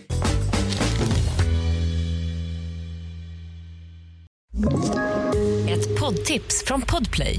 I fallen jag aldrig glömmer djupdyker Hasse Aro i arbetet bakom några av Sveriges mest uppseendeväckande brottsutredningar. Går vi in med hemlig telefonavlyssning och, och då upplever vi att vi får en total förändring av hans beteende. Vad är det som händer nu? Vem är det som läcker? Och så säger han att jag är kriminell, jag har varit kriminell i hela mitt liv men att mörda ett barn, där går min gräns. Nya säsongen av Fallen jag aldrig glömmer på Podplay. Nu har vi fått in eh, nästa gäst i studion och eh, han är eh, besatt av fantasy, lösa kanoner skjuts, han är en av alla irriterande Liverpool-supportrar i vårt avlånga land och han är nog den mest stilsäkra som någonsin satt sin fot i Fotbollsmorgons studio. Yes. Och eh, den här gången ska vi faktiskt inte snacka om något hittepålag, det vill säga fantasy, utan kommande halvtimme så ska vi få lära känna Henrik på riktigt. Eh, filmen han slog igenom i början med i början av 2000-talet tillsammans har fått sin uppföljare tillsammans 99 och då som nu så fyller Henrik en viktig roll. Så vi eh, säger god morgon och hälsar Henrik Lundström varmt välkommen till eh, Fotbollsmorgons Tack så mycket, tack. Sitter den här okej? Okay? Den känns som att den sitter så mycket högre. Ja. Ska jag sänka den? Jag tror att du borde sätta upp din stol. Det är jag som ska gå upp. Ja, jag ja. precis. Antingen du sänker den eller så All right. Där, så. Vi. Mm. Ja. känner mig inte så gömd längre. Nej, Mycket bra. Det är farligt att känna sig gömd. Du, eh, fick vi med det mesta och viktigaste i Ja, det tycker jag. Det var en fantastisk presentation. Jag blir nästan rörd. Det var ju fint. Um, det här med jobbiga Liverpool-supportrar eh, vet jag inte. Det är narrativet. Det är, det är, nästan störigt att det alltid är så. Att, för att man hejar på Liverpool så är man eh, mm. störig. Men ibland måste man höra sanningen också. Eh, ja. Liverpool-supporter. Men det är det vi försöker säga hela tiden. Att ibland måste folk få höra sanningen. Och då, och då är det som att vi är foliehattar och gnäller. Ja. Ja, nu är det fjärde gången i rad efter internationell break som Liverpool ska tidig tidig match, jag börja direkt. Eh, och och säg, påpekar man detta, då är man en, då är man en foliehatt, man konspirationsteori. Jag kan säga väderkvarnar också, gråter. vi kan ta flera ord. ja, man, man, är allt möjligt, man får aldrig säga någonting. Eh, men Nej. då får ju folk bara sluta ge oss anledning att säga någonting. Så fort de slutar ge oss anledning, då kommer jag sluta klaga. ja, jag har eh, också varit en av de som stört sig på Liverpool Sport, ska säga. Men jag tyckte att det var en lite lugnare period, men sen kom den här matchen mot Tottenham och då började ju allting dras upp igen och det skulle spelas om matcher och allt var fel och det är bara för att det var Liverpool som där hände och domarna är köpta och du vet, man, man blir helt Ja men ge oss en anledning att inte, alltså det gick inte ens, alltså så här, vi ska inte snöa in på det för mycket. Eh, men om det inte ens den sen kan gå eh, en match utan att det blir fel igen. Alltså, det blev fel nästa match igen. Alltså det får ju åtminstone gå en, två matcher. Så att vi inte får vatten på vår kvarn. Liksom. Det, det är det på något sätt. Det är klart, man, som fotbollssupporter har man ju, alla gnäller ju på domslut och alla gnäller på om man har, känner sig orättvist behandlad i olika matcher. Mm. Men det är någonting när man så, känner så, att Liverpool-supporter tycker att de är lite mer orättvist behandlade än alla andra. Så det du säger egentligen, så här, egentligen alla borde bara önska att det går bra för Liverpool? Att ni ska vinna så vi slipper höra er gnälla. Ja, nej, jag är faktiskt inte, jag är faktiskt inte så här, jag, jag är inte en sån där jättejobbig Liverpool-supporter som, som, som gnäller hela tiden. Jag har aldrig varit sån. Jag gnäller ju på, på när det blir fel, vilken match som jag än kollar på. Kollar jag på fucking Newcastle som jag inte tycker om på grund av allt vad de står för nu. Mm. Men när de inte ska få, först när de får en hands och sen en jättesolklar straff, inget av det döms, då säger jag också så här vad dålig, domaren är dålig. Det är inte så att jag haha, synd för dem då. Jag väntar tills någon gör något mot Liverpool. Utan jag klagar alltid om det blir liksom upprättat fel. Liksom. Mm. Klagar, klagar, jag säger påpekar det. Mm. Eh, ja. Känner du igen dig där? Alltså bilden av Liverpool-supporten? Ja, men det känns som att det där går lite i cykler. Var för, under 10-talet var det mycket Barcelona. Ja, det var, ja. var högljudda. Mm. Eh, det var men, eh, Uefa-låna-snacket. Just det, så var det. Men uh, av någon anledning så lyckas jag få kontakt med Liverpool-supporterna lite för ofta. Alltså jag menar Twitterflöden och så här. De letar sig in där. Mm. Jag vet inte hur men de, de är där. Och, eh... de, är, det är kanske, de är många också, det kanske är en del av det. Men jag är ju inte emotionellt investerad i Premier League Nej. på samma sätt så det blir ju inte att jag tar åt mig. Men det finns ju också en så här, det, det, det, folk älskar ju sig bara att du tar upp det, folk vill ju, vill ju trycka på det och, och vissa är bättre än andra på att så här, ah, ja han håller ju bara på så för jävlas. Eh, och, och jag struntar i det medan vissa har ju svårt för det, kanske Liverpool och fler då. Så att man måste på så här, ja men okej då, nu ska jag ta upp den här faktan, nu ska jag ta upp det här. Alltså, ja. Det är det, så folk sticker lite så här, hörru, är det inte så att, eh, är ni inte Liverpool? Mm. Så bara, har du inte sett den här? Vi har inte minst, fått minst så här. Alltså, istället för man bara egentligen skulle bara, nej det är vi inte. Ja. Eh, ja. Jag är kollega med och vän med Fördomspodden Emil Persson. Mm. Vi jobbar ihop och han är ju ingen aktiv twittrare. Eh, sådär, men han är Liverpool-supporter och han är liksom min eh, han är som en egen Twitter jävla liksom galning i mitt öra. För han är liksom den mest, den mest kränkta Liverpool-supporten i världen. Han, han, går inte ut med det. Men han, det drabbar oss som nära honom. det ska ni veta alla. Han håller ändå inne det så pass mycket ja. att alla andra slipper ja. ta det. Det är lönlöst. Vad ska vi göra? Bara ge upp. Ja. Men eh, kommer du ihåg senast du var med i Fotbollsmorgon? Eh, ja, då var ju vet du, Bosse Andersson också Ja, med. precis. Jag tror vi har någon bild. Jag vet inte riktigt eh, vart vi är på väg med det. Men vi har en bild på det i alla fall. Och då som du säger, där har vi det. Mm. Det var en lite annan studio då. Och eh, lite mm. annan outfit. Vad, har vi med den, vad ska vi göra med den bilden? Det är ju lite drygt år sedan ser vi här. Ja, exakt 14 tionde, precis. Ja jäklar, det är exakt ja. typ ett år sedan ja. Just det. Mm. Var ni mitt inspelade då Tillsammans 99 eller? Nej, den spelades in eh, förra året vid augusti, augusti september. Mm. Mm. Så ja, klar. Eh, mm. på tal om då, eh, men där har du eh, en stil, idag ja. har du lite annan. På tal om din stil idag, vi, eh, den är ju häftig att följa varje gång du är med i våra program, även i fantasy. Mm. Så, eh, så är det häftigt. Och vi ska kolla på en bild då från Henrik 99 då. Och du, ska, du ska få själv beskriva din, din stil. Ja, den där är ju faktiskt från 99. Mm. Det där är, nu har ni tagit en bild från Ondskan. Ondskan precis. Ja, just det. Så ja. den är några år senare. Okay. Mm. Uh.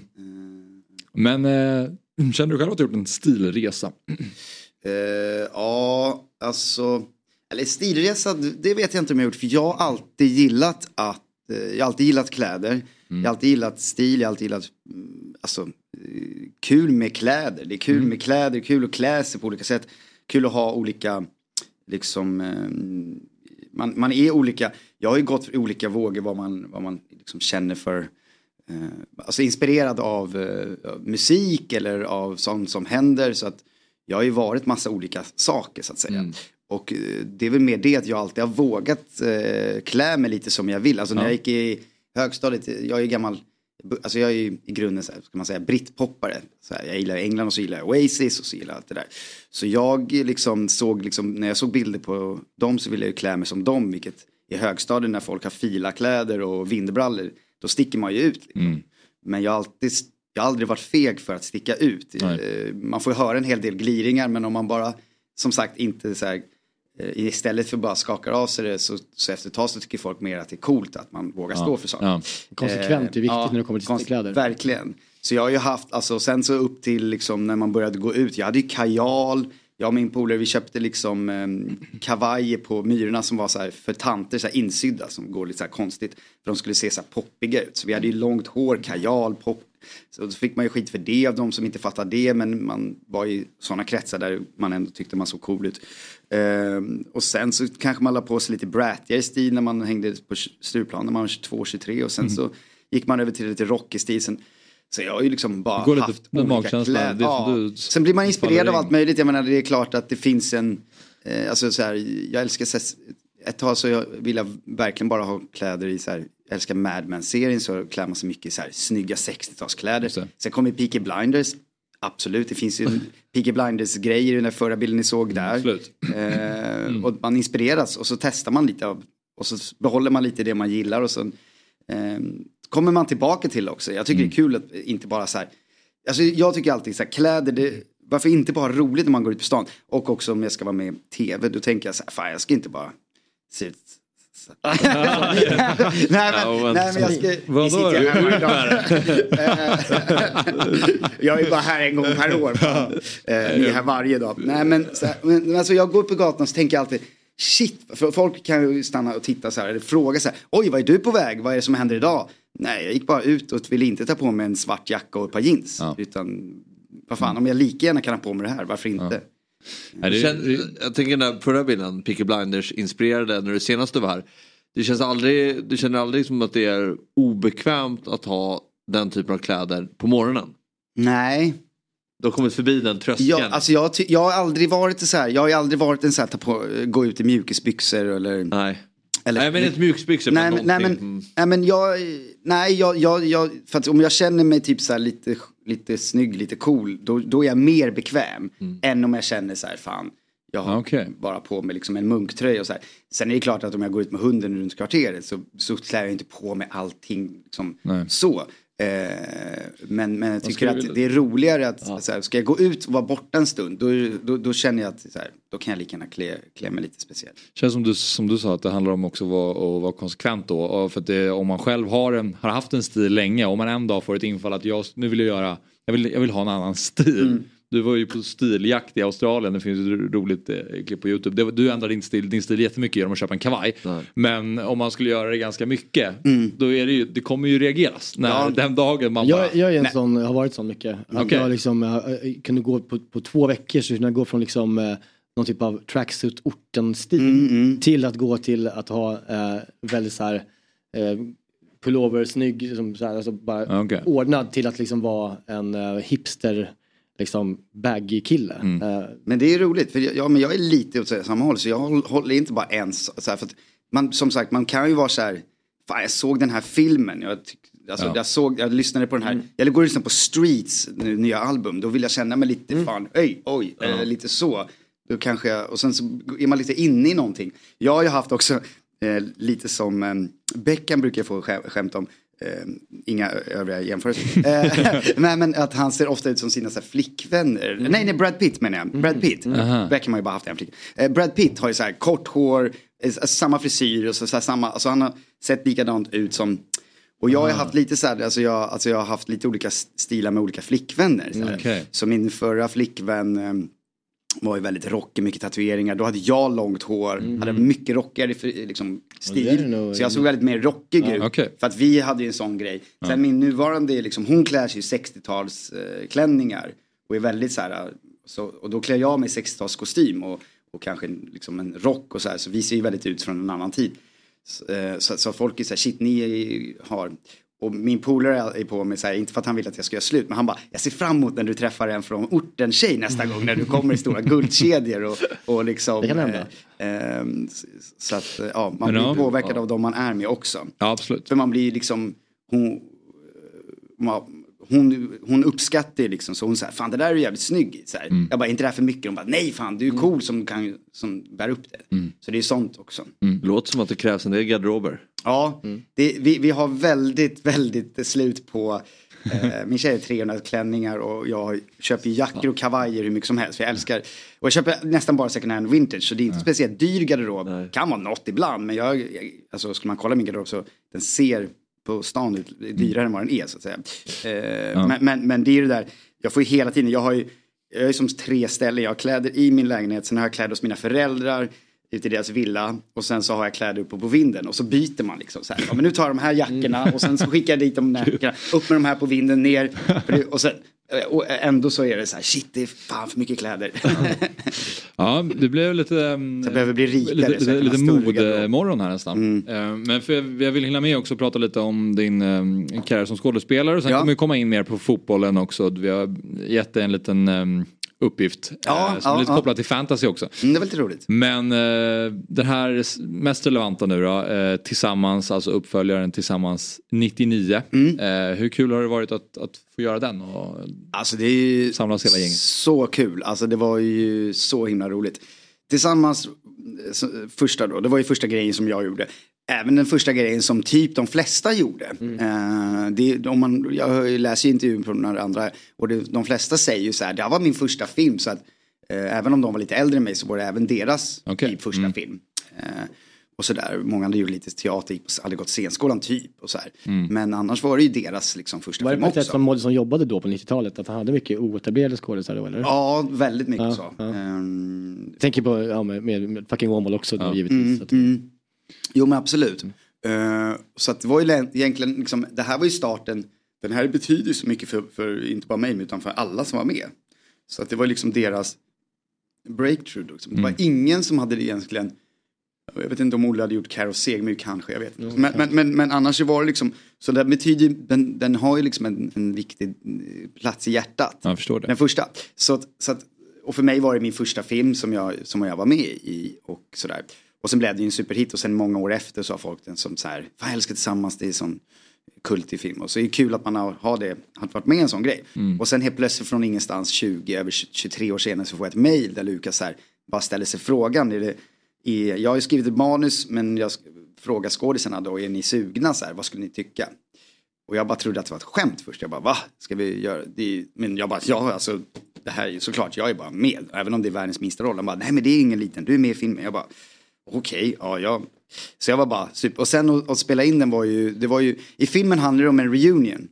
Och, och det är lite samma på riktigt då. För det var ju en så att, så att säga reunion för alla oss. Mm. Eh, även Ja. om man, många bor i Stockholm så, och så springer man på varandra så ändå inte, de flesta har inte jobbat så mycket med varandra. Mm. Jag liksom eh, veta när vi hängde och sådär snacka. Så det var ju mycket så här, just det här gänget, det var ju en reunion off screen också.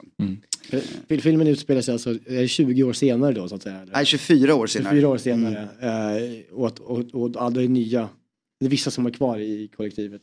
Ja, det handlar ju om att eh, Göran, alltså Gustav Hammarsten där med skägget, eh, om man kollar på bilden, eh, och Shanti Rooney som är han som går längst fram utan, ja, uppknäppt så att säga. Erik Haag-looken. Eh, ja, exakt. Det är lite Erik Haag. Eh, de två är ju med i det här stora kollektivet då, eh, gamla filmen. Eh, och sen massa av de andra. Men det är bara de två som är kvar. Eh, i, i, i, i, så de har ett minikollektiv. Mm. Och Göran drömmer om att så här, fan vi, vad hände med alla? Vi skulle ha varit, haft kvar, han vill verkligen ha ett stort kollektiv. Han drömmer om det. Så det överraskar liksom, uh, vet du det, Klas, Shantis karaktär, honom på han- hans födelsedag. Att ha en reunion, att han tar tillbaka alla. Och sen är det bara, både gott och ont, att man kanske inte ska alltid Nej. se tillbaka på något sätt. Ehm, Men, men ehm, du har ju hunnit med mycket i din eh, skådiskarriär. Du har eh, Mm. varit i Hollywood också en, en del och det finns, det finns mycket att landa i och då har vi valt ut några bilder som vi tänker att du ska få kommentera bara lite kort. Eh, och till att börja med så tror jag vi har en faktaruta från Nöjesbladet 2010. Där, Oj. det här är Niklas, då är du 26 år, eh, du bor i Stockholm. Och, Bra inkomst där! ja, inkomst 7400 kronor. Som sagt, jag köper inte dyra kläder. Eh, Bli inte skådisar kids. Livsfarligt. Ja. Eh, Där hade du ändå gjort tillsammans Ondskan då, så hade du flera hemliga filmprojekt Ja, på gång. shit alltså att jag var så. Ja.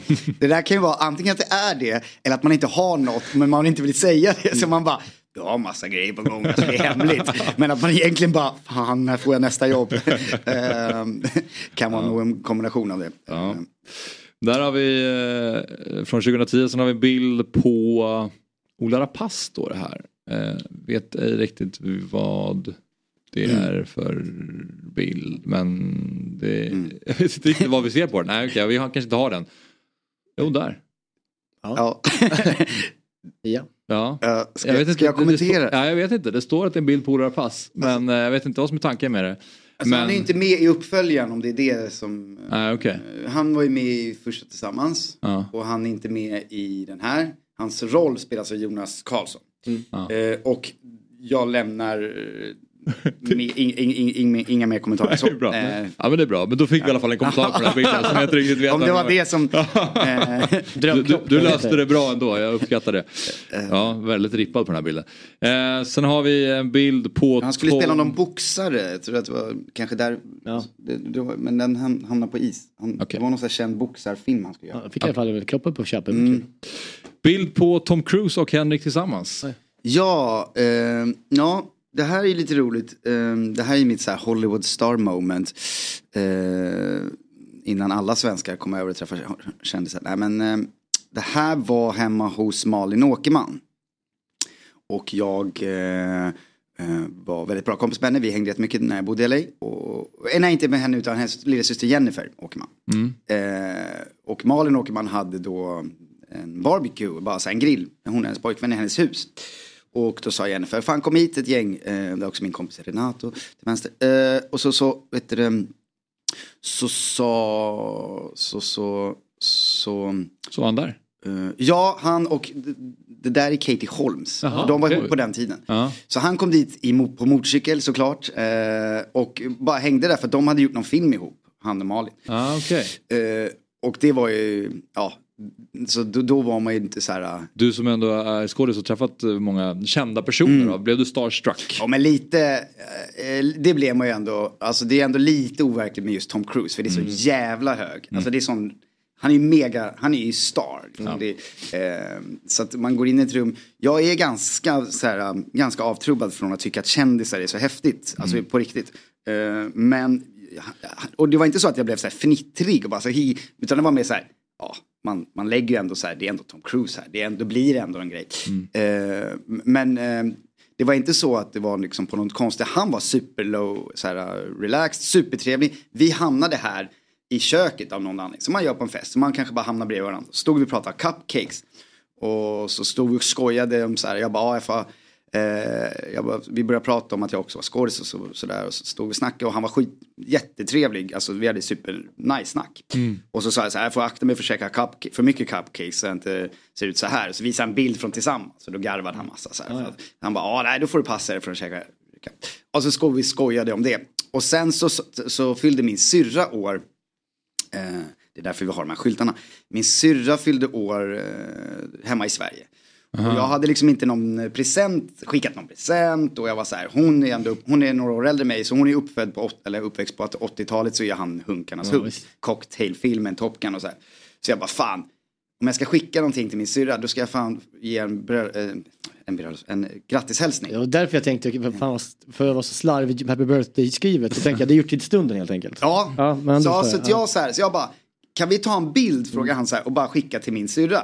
För på den här tiden också ska man säga, jag låter som att jag är 100 år. Det här är ju innan liksom, heter det, Instagram och, och att alla skulle ta bild på kändisar för att visa upp och skryta på Snapchat. Utan vi hade inte den grejen riktigt. Utan jag skulle bara ta en bild för att skicka, inte för att så här, Idag har du lagt upp en story istället. Ja men det, det hade varit ganska mycket, jag menar, nej, men, nej, men det var ju liksom för, lite före den tiden. Eh, att man tog bilder bara för här, hoppas, kan vi ta en bild bara för att om jag är på bild, vilket jag alltid har tyckt var konstigt, om jag är på bild med dig så betyder det någonting. Inte att vi, vi har aldrig pratat, men om jag bara står med en, med en känd person så ska det betyda något.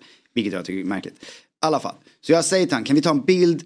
Mm, och också en anledning då för att ta en bild med honom. Nej men eh, att eh, inte bara så här, kan vi ta en bild för jag tycker att du är häftig. Utan jag vill skicka en bild till min syrra. Hon skulle tycka det var jäkligt kul att jag träffat Tom Cruise. Och han bara, ja men vad fan, hon fyller hon år, då måste vi göra något mer. Så det är han som säger så här, ska vi Ah, inte okej. skriva på de här, kan vi inte ta de här eh, Tallrikarna. ta- papptallrikarna som, eh, och skriva så här uh, Happy birthday. Eh, jag bara, ja om du, så, här, så han gör en, mer en grej Konstigt. av det. Ja men han är liksom lite kreativ. Och sen säger han också att, eh, fan jag kan inte skriva så snyggt. Eh, inte för att det där är kanske så snyggt men eh, så att Katie får göra det. Så det är Katie som har skrivit eh, Happy birthday. Mm, Okej. Ja, så ännu lite mer kändisgrej. Va? verkligen. så de här tallrikarna har man ju kvar. Ja, du har Nej, sparat dem? inte. Eh, nej men så, så, så eh, allt som allt eh, så ska jag säga att han var ju otroligt eh, skön och eh, trevlig att prata med. Ja. Eh, så, Nice. Vi eh, ska ta en bild till innan vi går vidare till Mm. nästa moment. Eh, och det, vi kan ta bild från studentfesten. Eh, en annan film Mm. Roligt. som du har varit en del av. Mm. Tänker du när du ser det här? Eh, jag får bara glad feeling. Jag hade så jäkla roligt när vi gjorde den här. Alltså ända från att jag läste manus att skratta högt, vilket min agent på den tiden också gjorde, sa så hon skrattar nästan aldrig, hon är, hon var, hon är finsk. Hon, men hon, eh, hon var så här ganska så här stel. Eh, hon bara, jag skrattar högt flera gånger. Jag bara, ja. Och jag tyckte att det var jätteroligt manus, tyckte det var, jag aldrig sett, eh, väldigt sällan svenskar gör roliga filmer. Det händer ju nästan aldrig. Eh, och jag tyckte så här, fan den här kan nog bli någonting. Och sen så hade vi svinkul hela inspelningen. Mm. Och det smittar nog av sig i, liksom, i, i filmen. För att det är liksom, vi hade lika mycket jargong och kul eh, mellan tagningar som under tagningar. Så att det blev liksom, för ingen av oss kände varandra, vi hade stött på varandra. Jag och Filip hade jobbat i Ondskan, Mm. eh, men aldrig liksom hängt. Eh, men, men vi blev ju som super, superbästisar under den här inspelningen. Mm. Och det gör ju nog väldigt mycket för, för att en film med tre kompisar ska vara kul. Liksom. Mm. Och det är ju nog därför också många så här eh, jobbar med samma. Alltså att Ben Stiller, Owen Wilson, Will Ferrell så här. Mm. Det. Jobbar man, med, man jobbar med dem man tycker är kul att hänga med. Ja. Och då smittar det av Då det sig bra. eh, på liksom filmresultatet sen. Ja. Så vi hade svinkul. Och sen nu i efterhand så är det så jäkla roligt att den har blivit så omtyckt. För eh, ja, men det var ju en okänd regissör, alltså, så att säga, och okänt litet team. Det var en indiefilm, vi har inte liksom mycket budget alls. Det var liksom en egen Mm. Och det gick upp på bio och gick ner efter två veckor. Alltså, ingenting. Men sen så var det någon lirare som la upp den på YouTube. Och där fick den liksom världens genomslag. Som, som någon slags underground-set kan man Ja. säga. Så att eh, den hade liksom så här upp mot, eller över en miljon views på YouTube efter ett tag. Mm. Så att folk så här verkligen kom så här. Och så nu flera år senare, nu, nu är det ganska länge sedan, det här var 2013. Då är det liksom, ja men oftast om vi säger så är det kanske Ondskan då. Det är ju ändå den som oftast folk säger, visste du med i Ondskan? Fan det är en... Men efter den så är det nog studentfesten. Eh, som folk kommer fram och så här. Bara häromdagen på, när jag stod och tog en öl i Gamla stan på en bar så säger bartendern så här. Studentfesten, jävla legendarisk. Och sådana får man ganska ofta och det är ju så jäkla kul. Eh, För att jag tycker att det är en, det är en rolig film. Eh, Det är roligt. Ja, ehm, men eh, Henrik, eh, vi var inne på det i början då att du eh, är ju väldigt fotbollsintresserad och du spelar väldigt mycket Fantasy Premier League. Det gör ju jag också i våra, en del av vårt Fantasy Premier Försöker League-program. i alla fall. dem. Försöker. Precis. Eh, Jag är, har haft, eh, jag har varit väldigt svag i senaste gångerna. Du har varit väldigt bra den här säsongsinledningen. Mm. Eh, Men vi ska inte prata fantasy, men jag tänkte att du ska få rekommendera, vilket vi gör i programmet mycket, att det här är en spelare som vi rekommenderar att man ska lyfta in i sitt lag. Mm. Och eh, då vi ska fortfarande vara kvar i eh, filmvärlden då. Men att du ska få ta ut eh, Junisen, kapten och tränaren. Visst har du fått det i, Ja, ja. i, i uppdrag här? Mm. Även varningsflagg står det här. Jag vet Ja. inte om det... Ja, okej. Det var en sån också. Ja, precis. Eh, och då kan det vara skådis, regissör, lite allt möjligt har jag tolkat som. Ja, det, det var så här.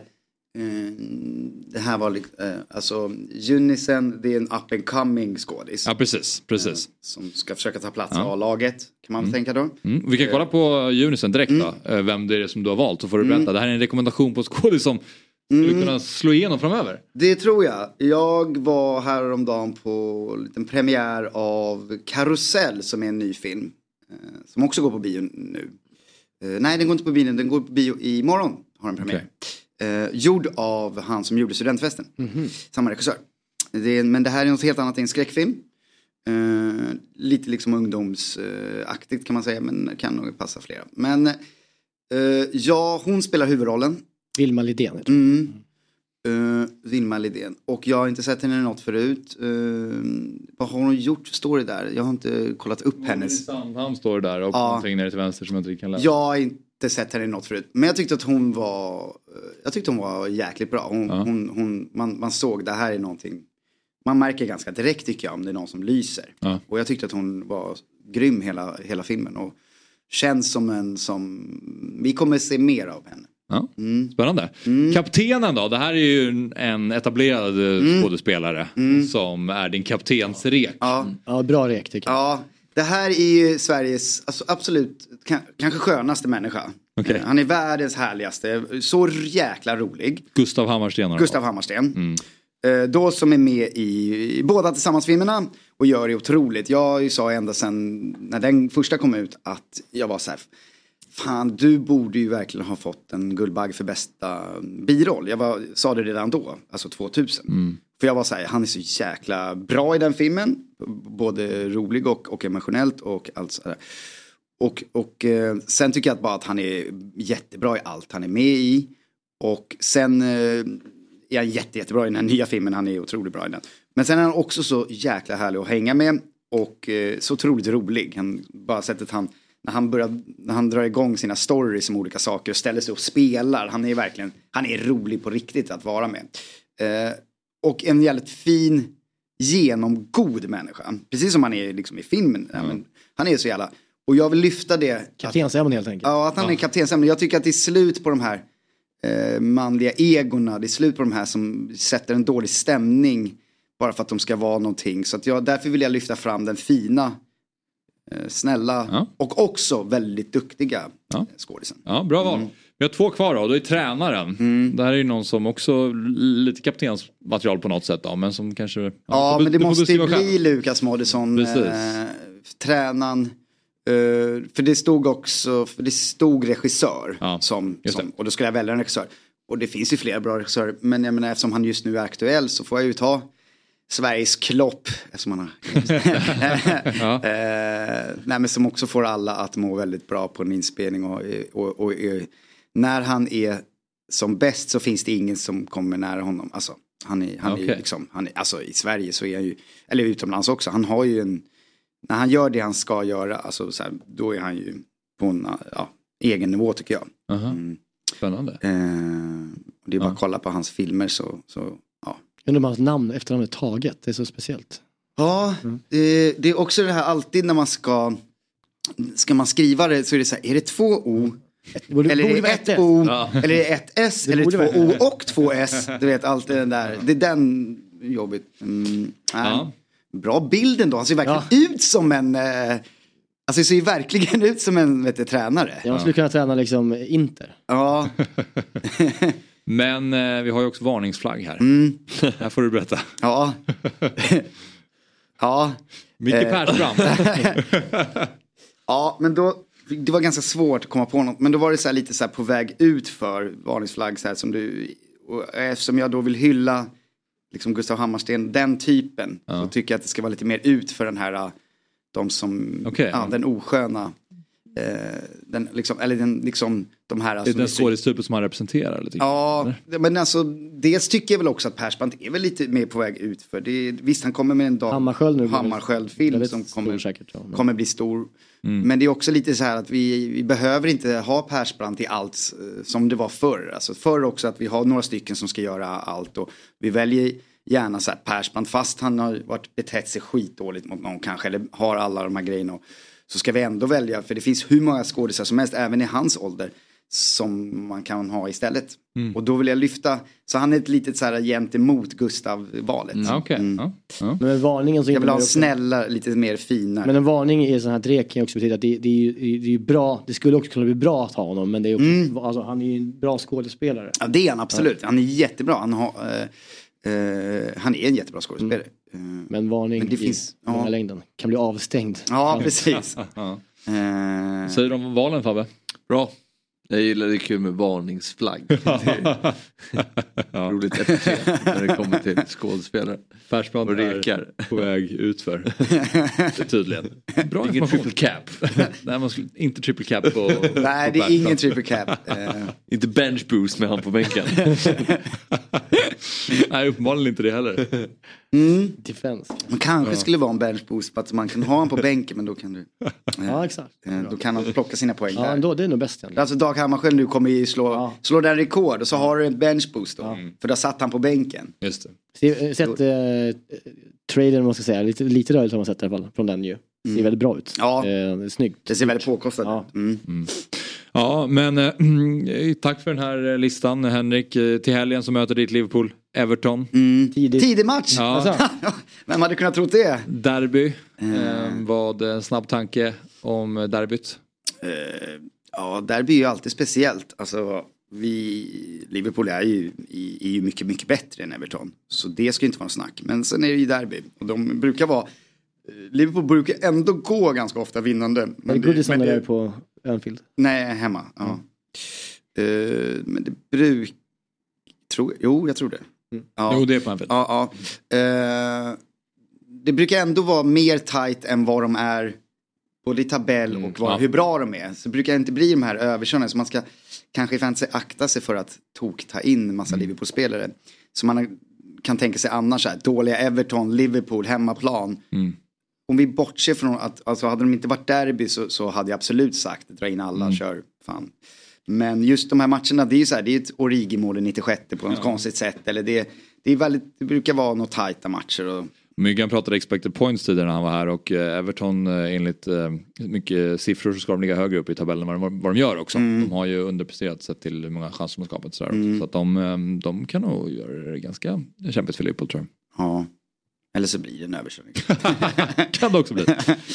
Ja men oavsett, det var kul Men vem här, är kapten Henrik. i helgen då? Vem är kapten? I fantasy, Ja. eh, Haaland. Det är det. Mm. Hemma mot Brighton. Ja. Vem hade ni valt av, det är ju de vanligaste valen är ju Salah hemma mot Everton då, Haaland mot Brighton eller eh, Son mot Fulham hemma. Ja, just det. Son. Du hade valt Son? Jag tror jag är tre. Alltid Haaland. Jag tror jag är tre. Okej. Jag tror, att- jag tror att Brighton, jag tror, jag tror att City kör över Brighton med 6-0. Alltså, de vis, nu, nu är det dags. Uppehåll. Eh, Det är liksom, Ja, den är läskig. Den är läskig. För jag är också inne på sån. Eh, för att Fulham, ja, vi såg ju vad som hände när de mötte City. Alltså de har inget försvar. Men, men, eh, men just som du säger. Brighton kan ju vara bra framåt men de, det har, de släpper ju alltid in mål. Och möter man då City då släpper man in fler mål. Och nu har verkligen Haaland i landslaget också väl, eller gjorde han mål i landslaget? Ja, han gjorde mål. Ja, han gjorde det. Okej. Men annars i Premier League har han väl fyra matcher i rad nu som han inte har gjort mål. Så Men de- det där målet för Norge kanske var viktigt för honom faktiskt inför den här matchen. Men det är bra, då kan vi slå ett slag för Dobb-TV också när vi ändå pratar om eh, vår fantasy. För vi har ju ett program för alla som spelar fantasy Premier League så kan man kolla på det. Då sitter jag, Jesper Hoffman och Tobias Lindell där och du är med, med vår liga. Mm. Jag har varit med och gästat ett gäng gånger och vi pratar ju ofta om det för att det är en väldigt unik spelstil när det kommer till fantasy. Men eh, mer om det i programmet för er som vill kolla. Det finns en kod eh, som man kan använda. Gå in på Dobb-TV, skriv in koden Fotbollsmorgon. Då får man två veckor gratis. Kan man testa på i alla fall om man vill lyssna lite mer och är nyfiken på vad det handlar om. Stort tack för att du kom hit Ja men Henrik. tack. Eh, gå på bio. Ja just det, precis. Ett slag för Tillsammans 99 och se filmen. Ja, och se derbyt på söndag. Eh, Alltså, Djurgården-Bayern. Ja, just det. Den också. Det är mycket fotboll som spelas. Det har vi inte hunnit prata så mycket mer om. Men det kanske, du, du är här imorgon. Ja. ja. Då får ni prata mer om... om eh, Energi för dig. Ja, Fabbe har checkat ut nu. Det är Ja. dags att stänga ner. Eh, vi säger så. Fotbollsmorgon är tillbaka i morgon igen. Tack för idag. Fotbollsmorgon presenteras i samarbete med Stryktipset, en lördagsklassiker sedan 1934. EA Sports FC 24.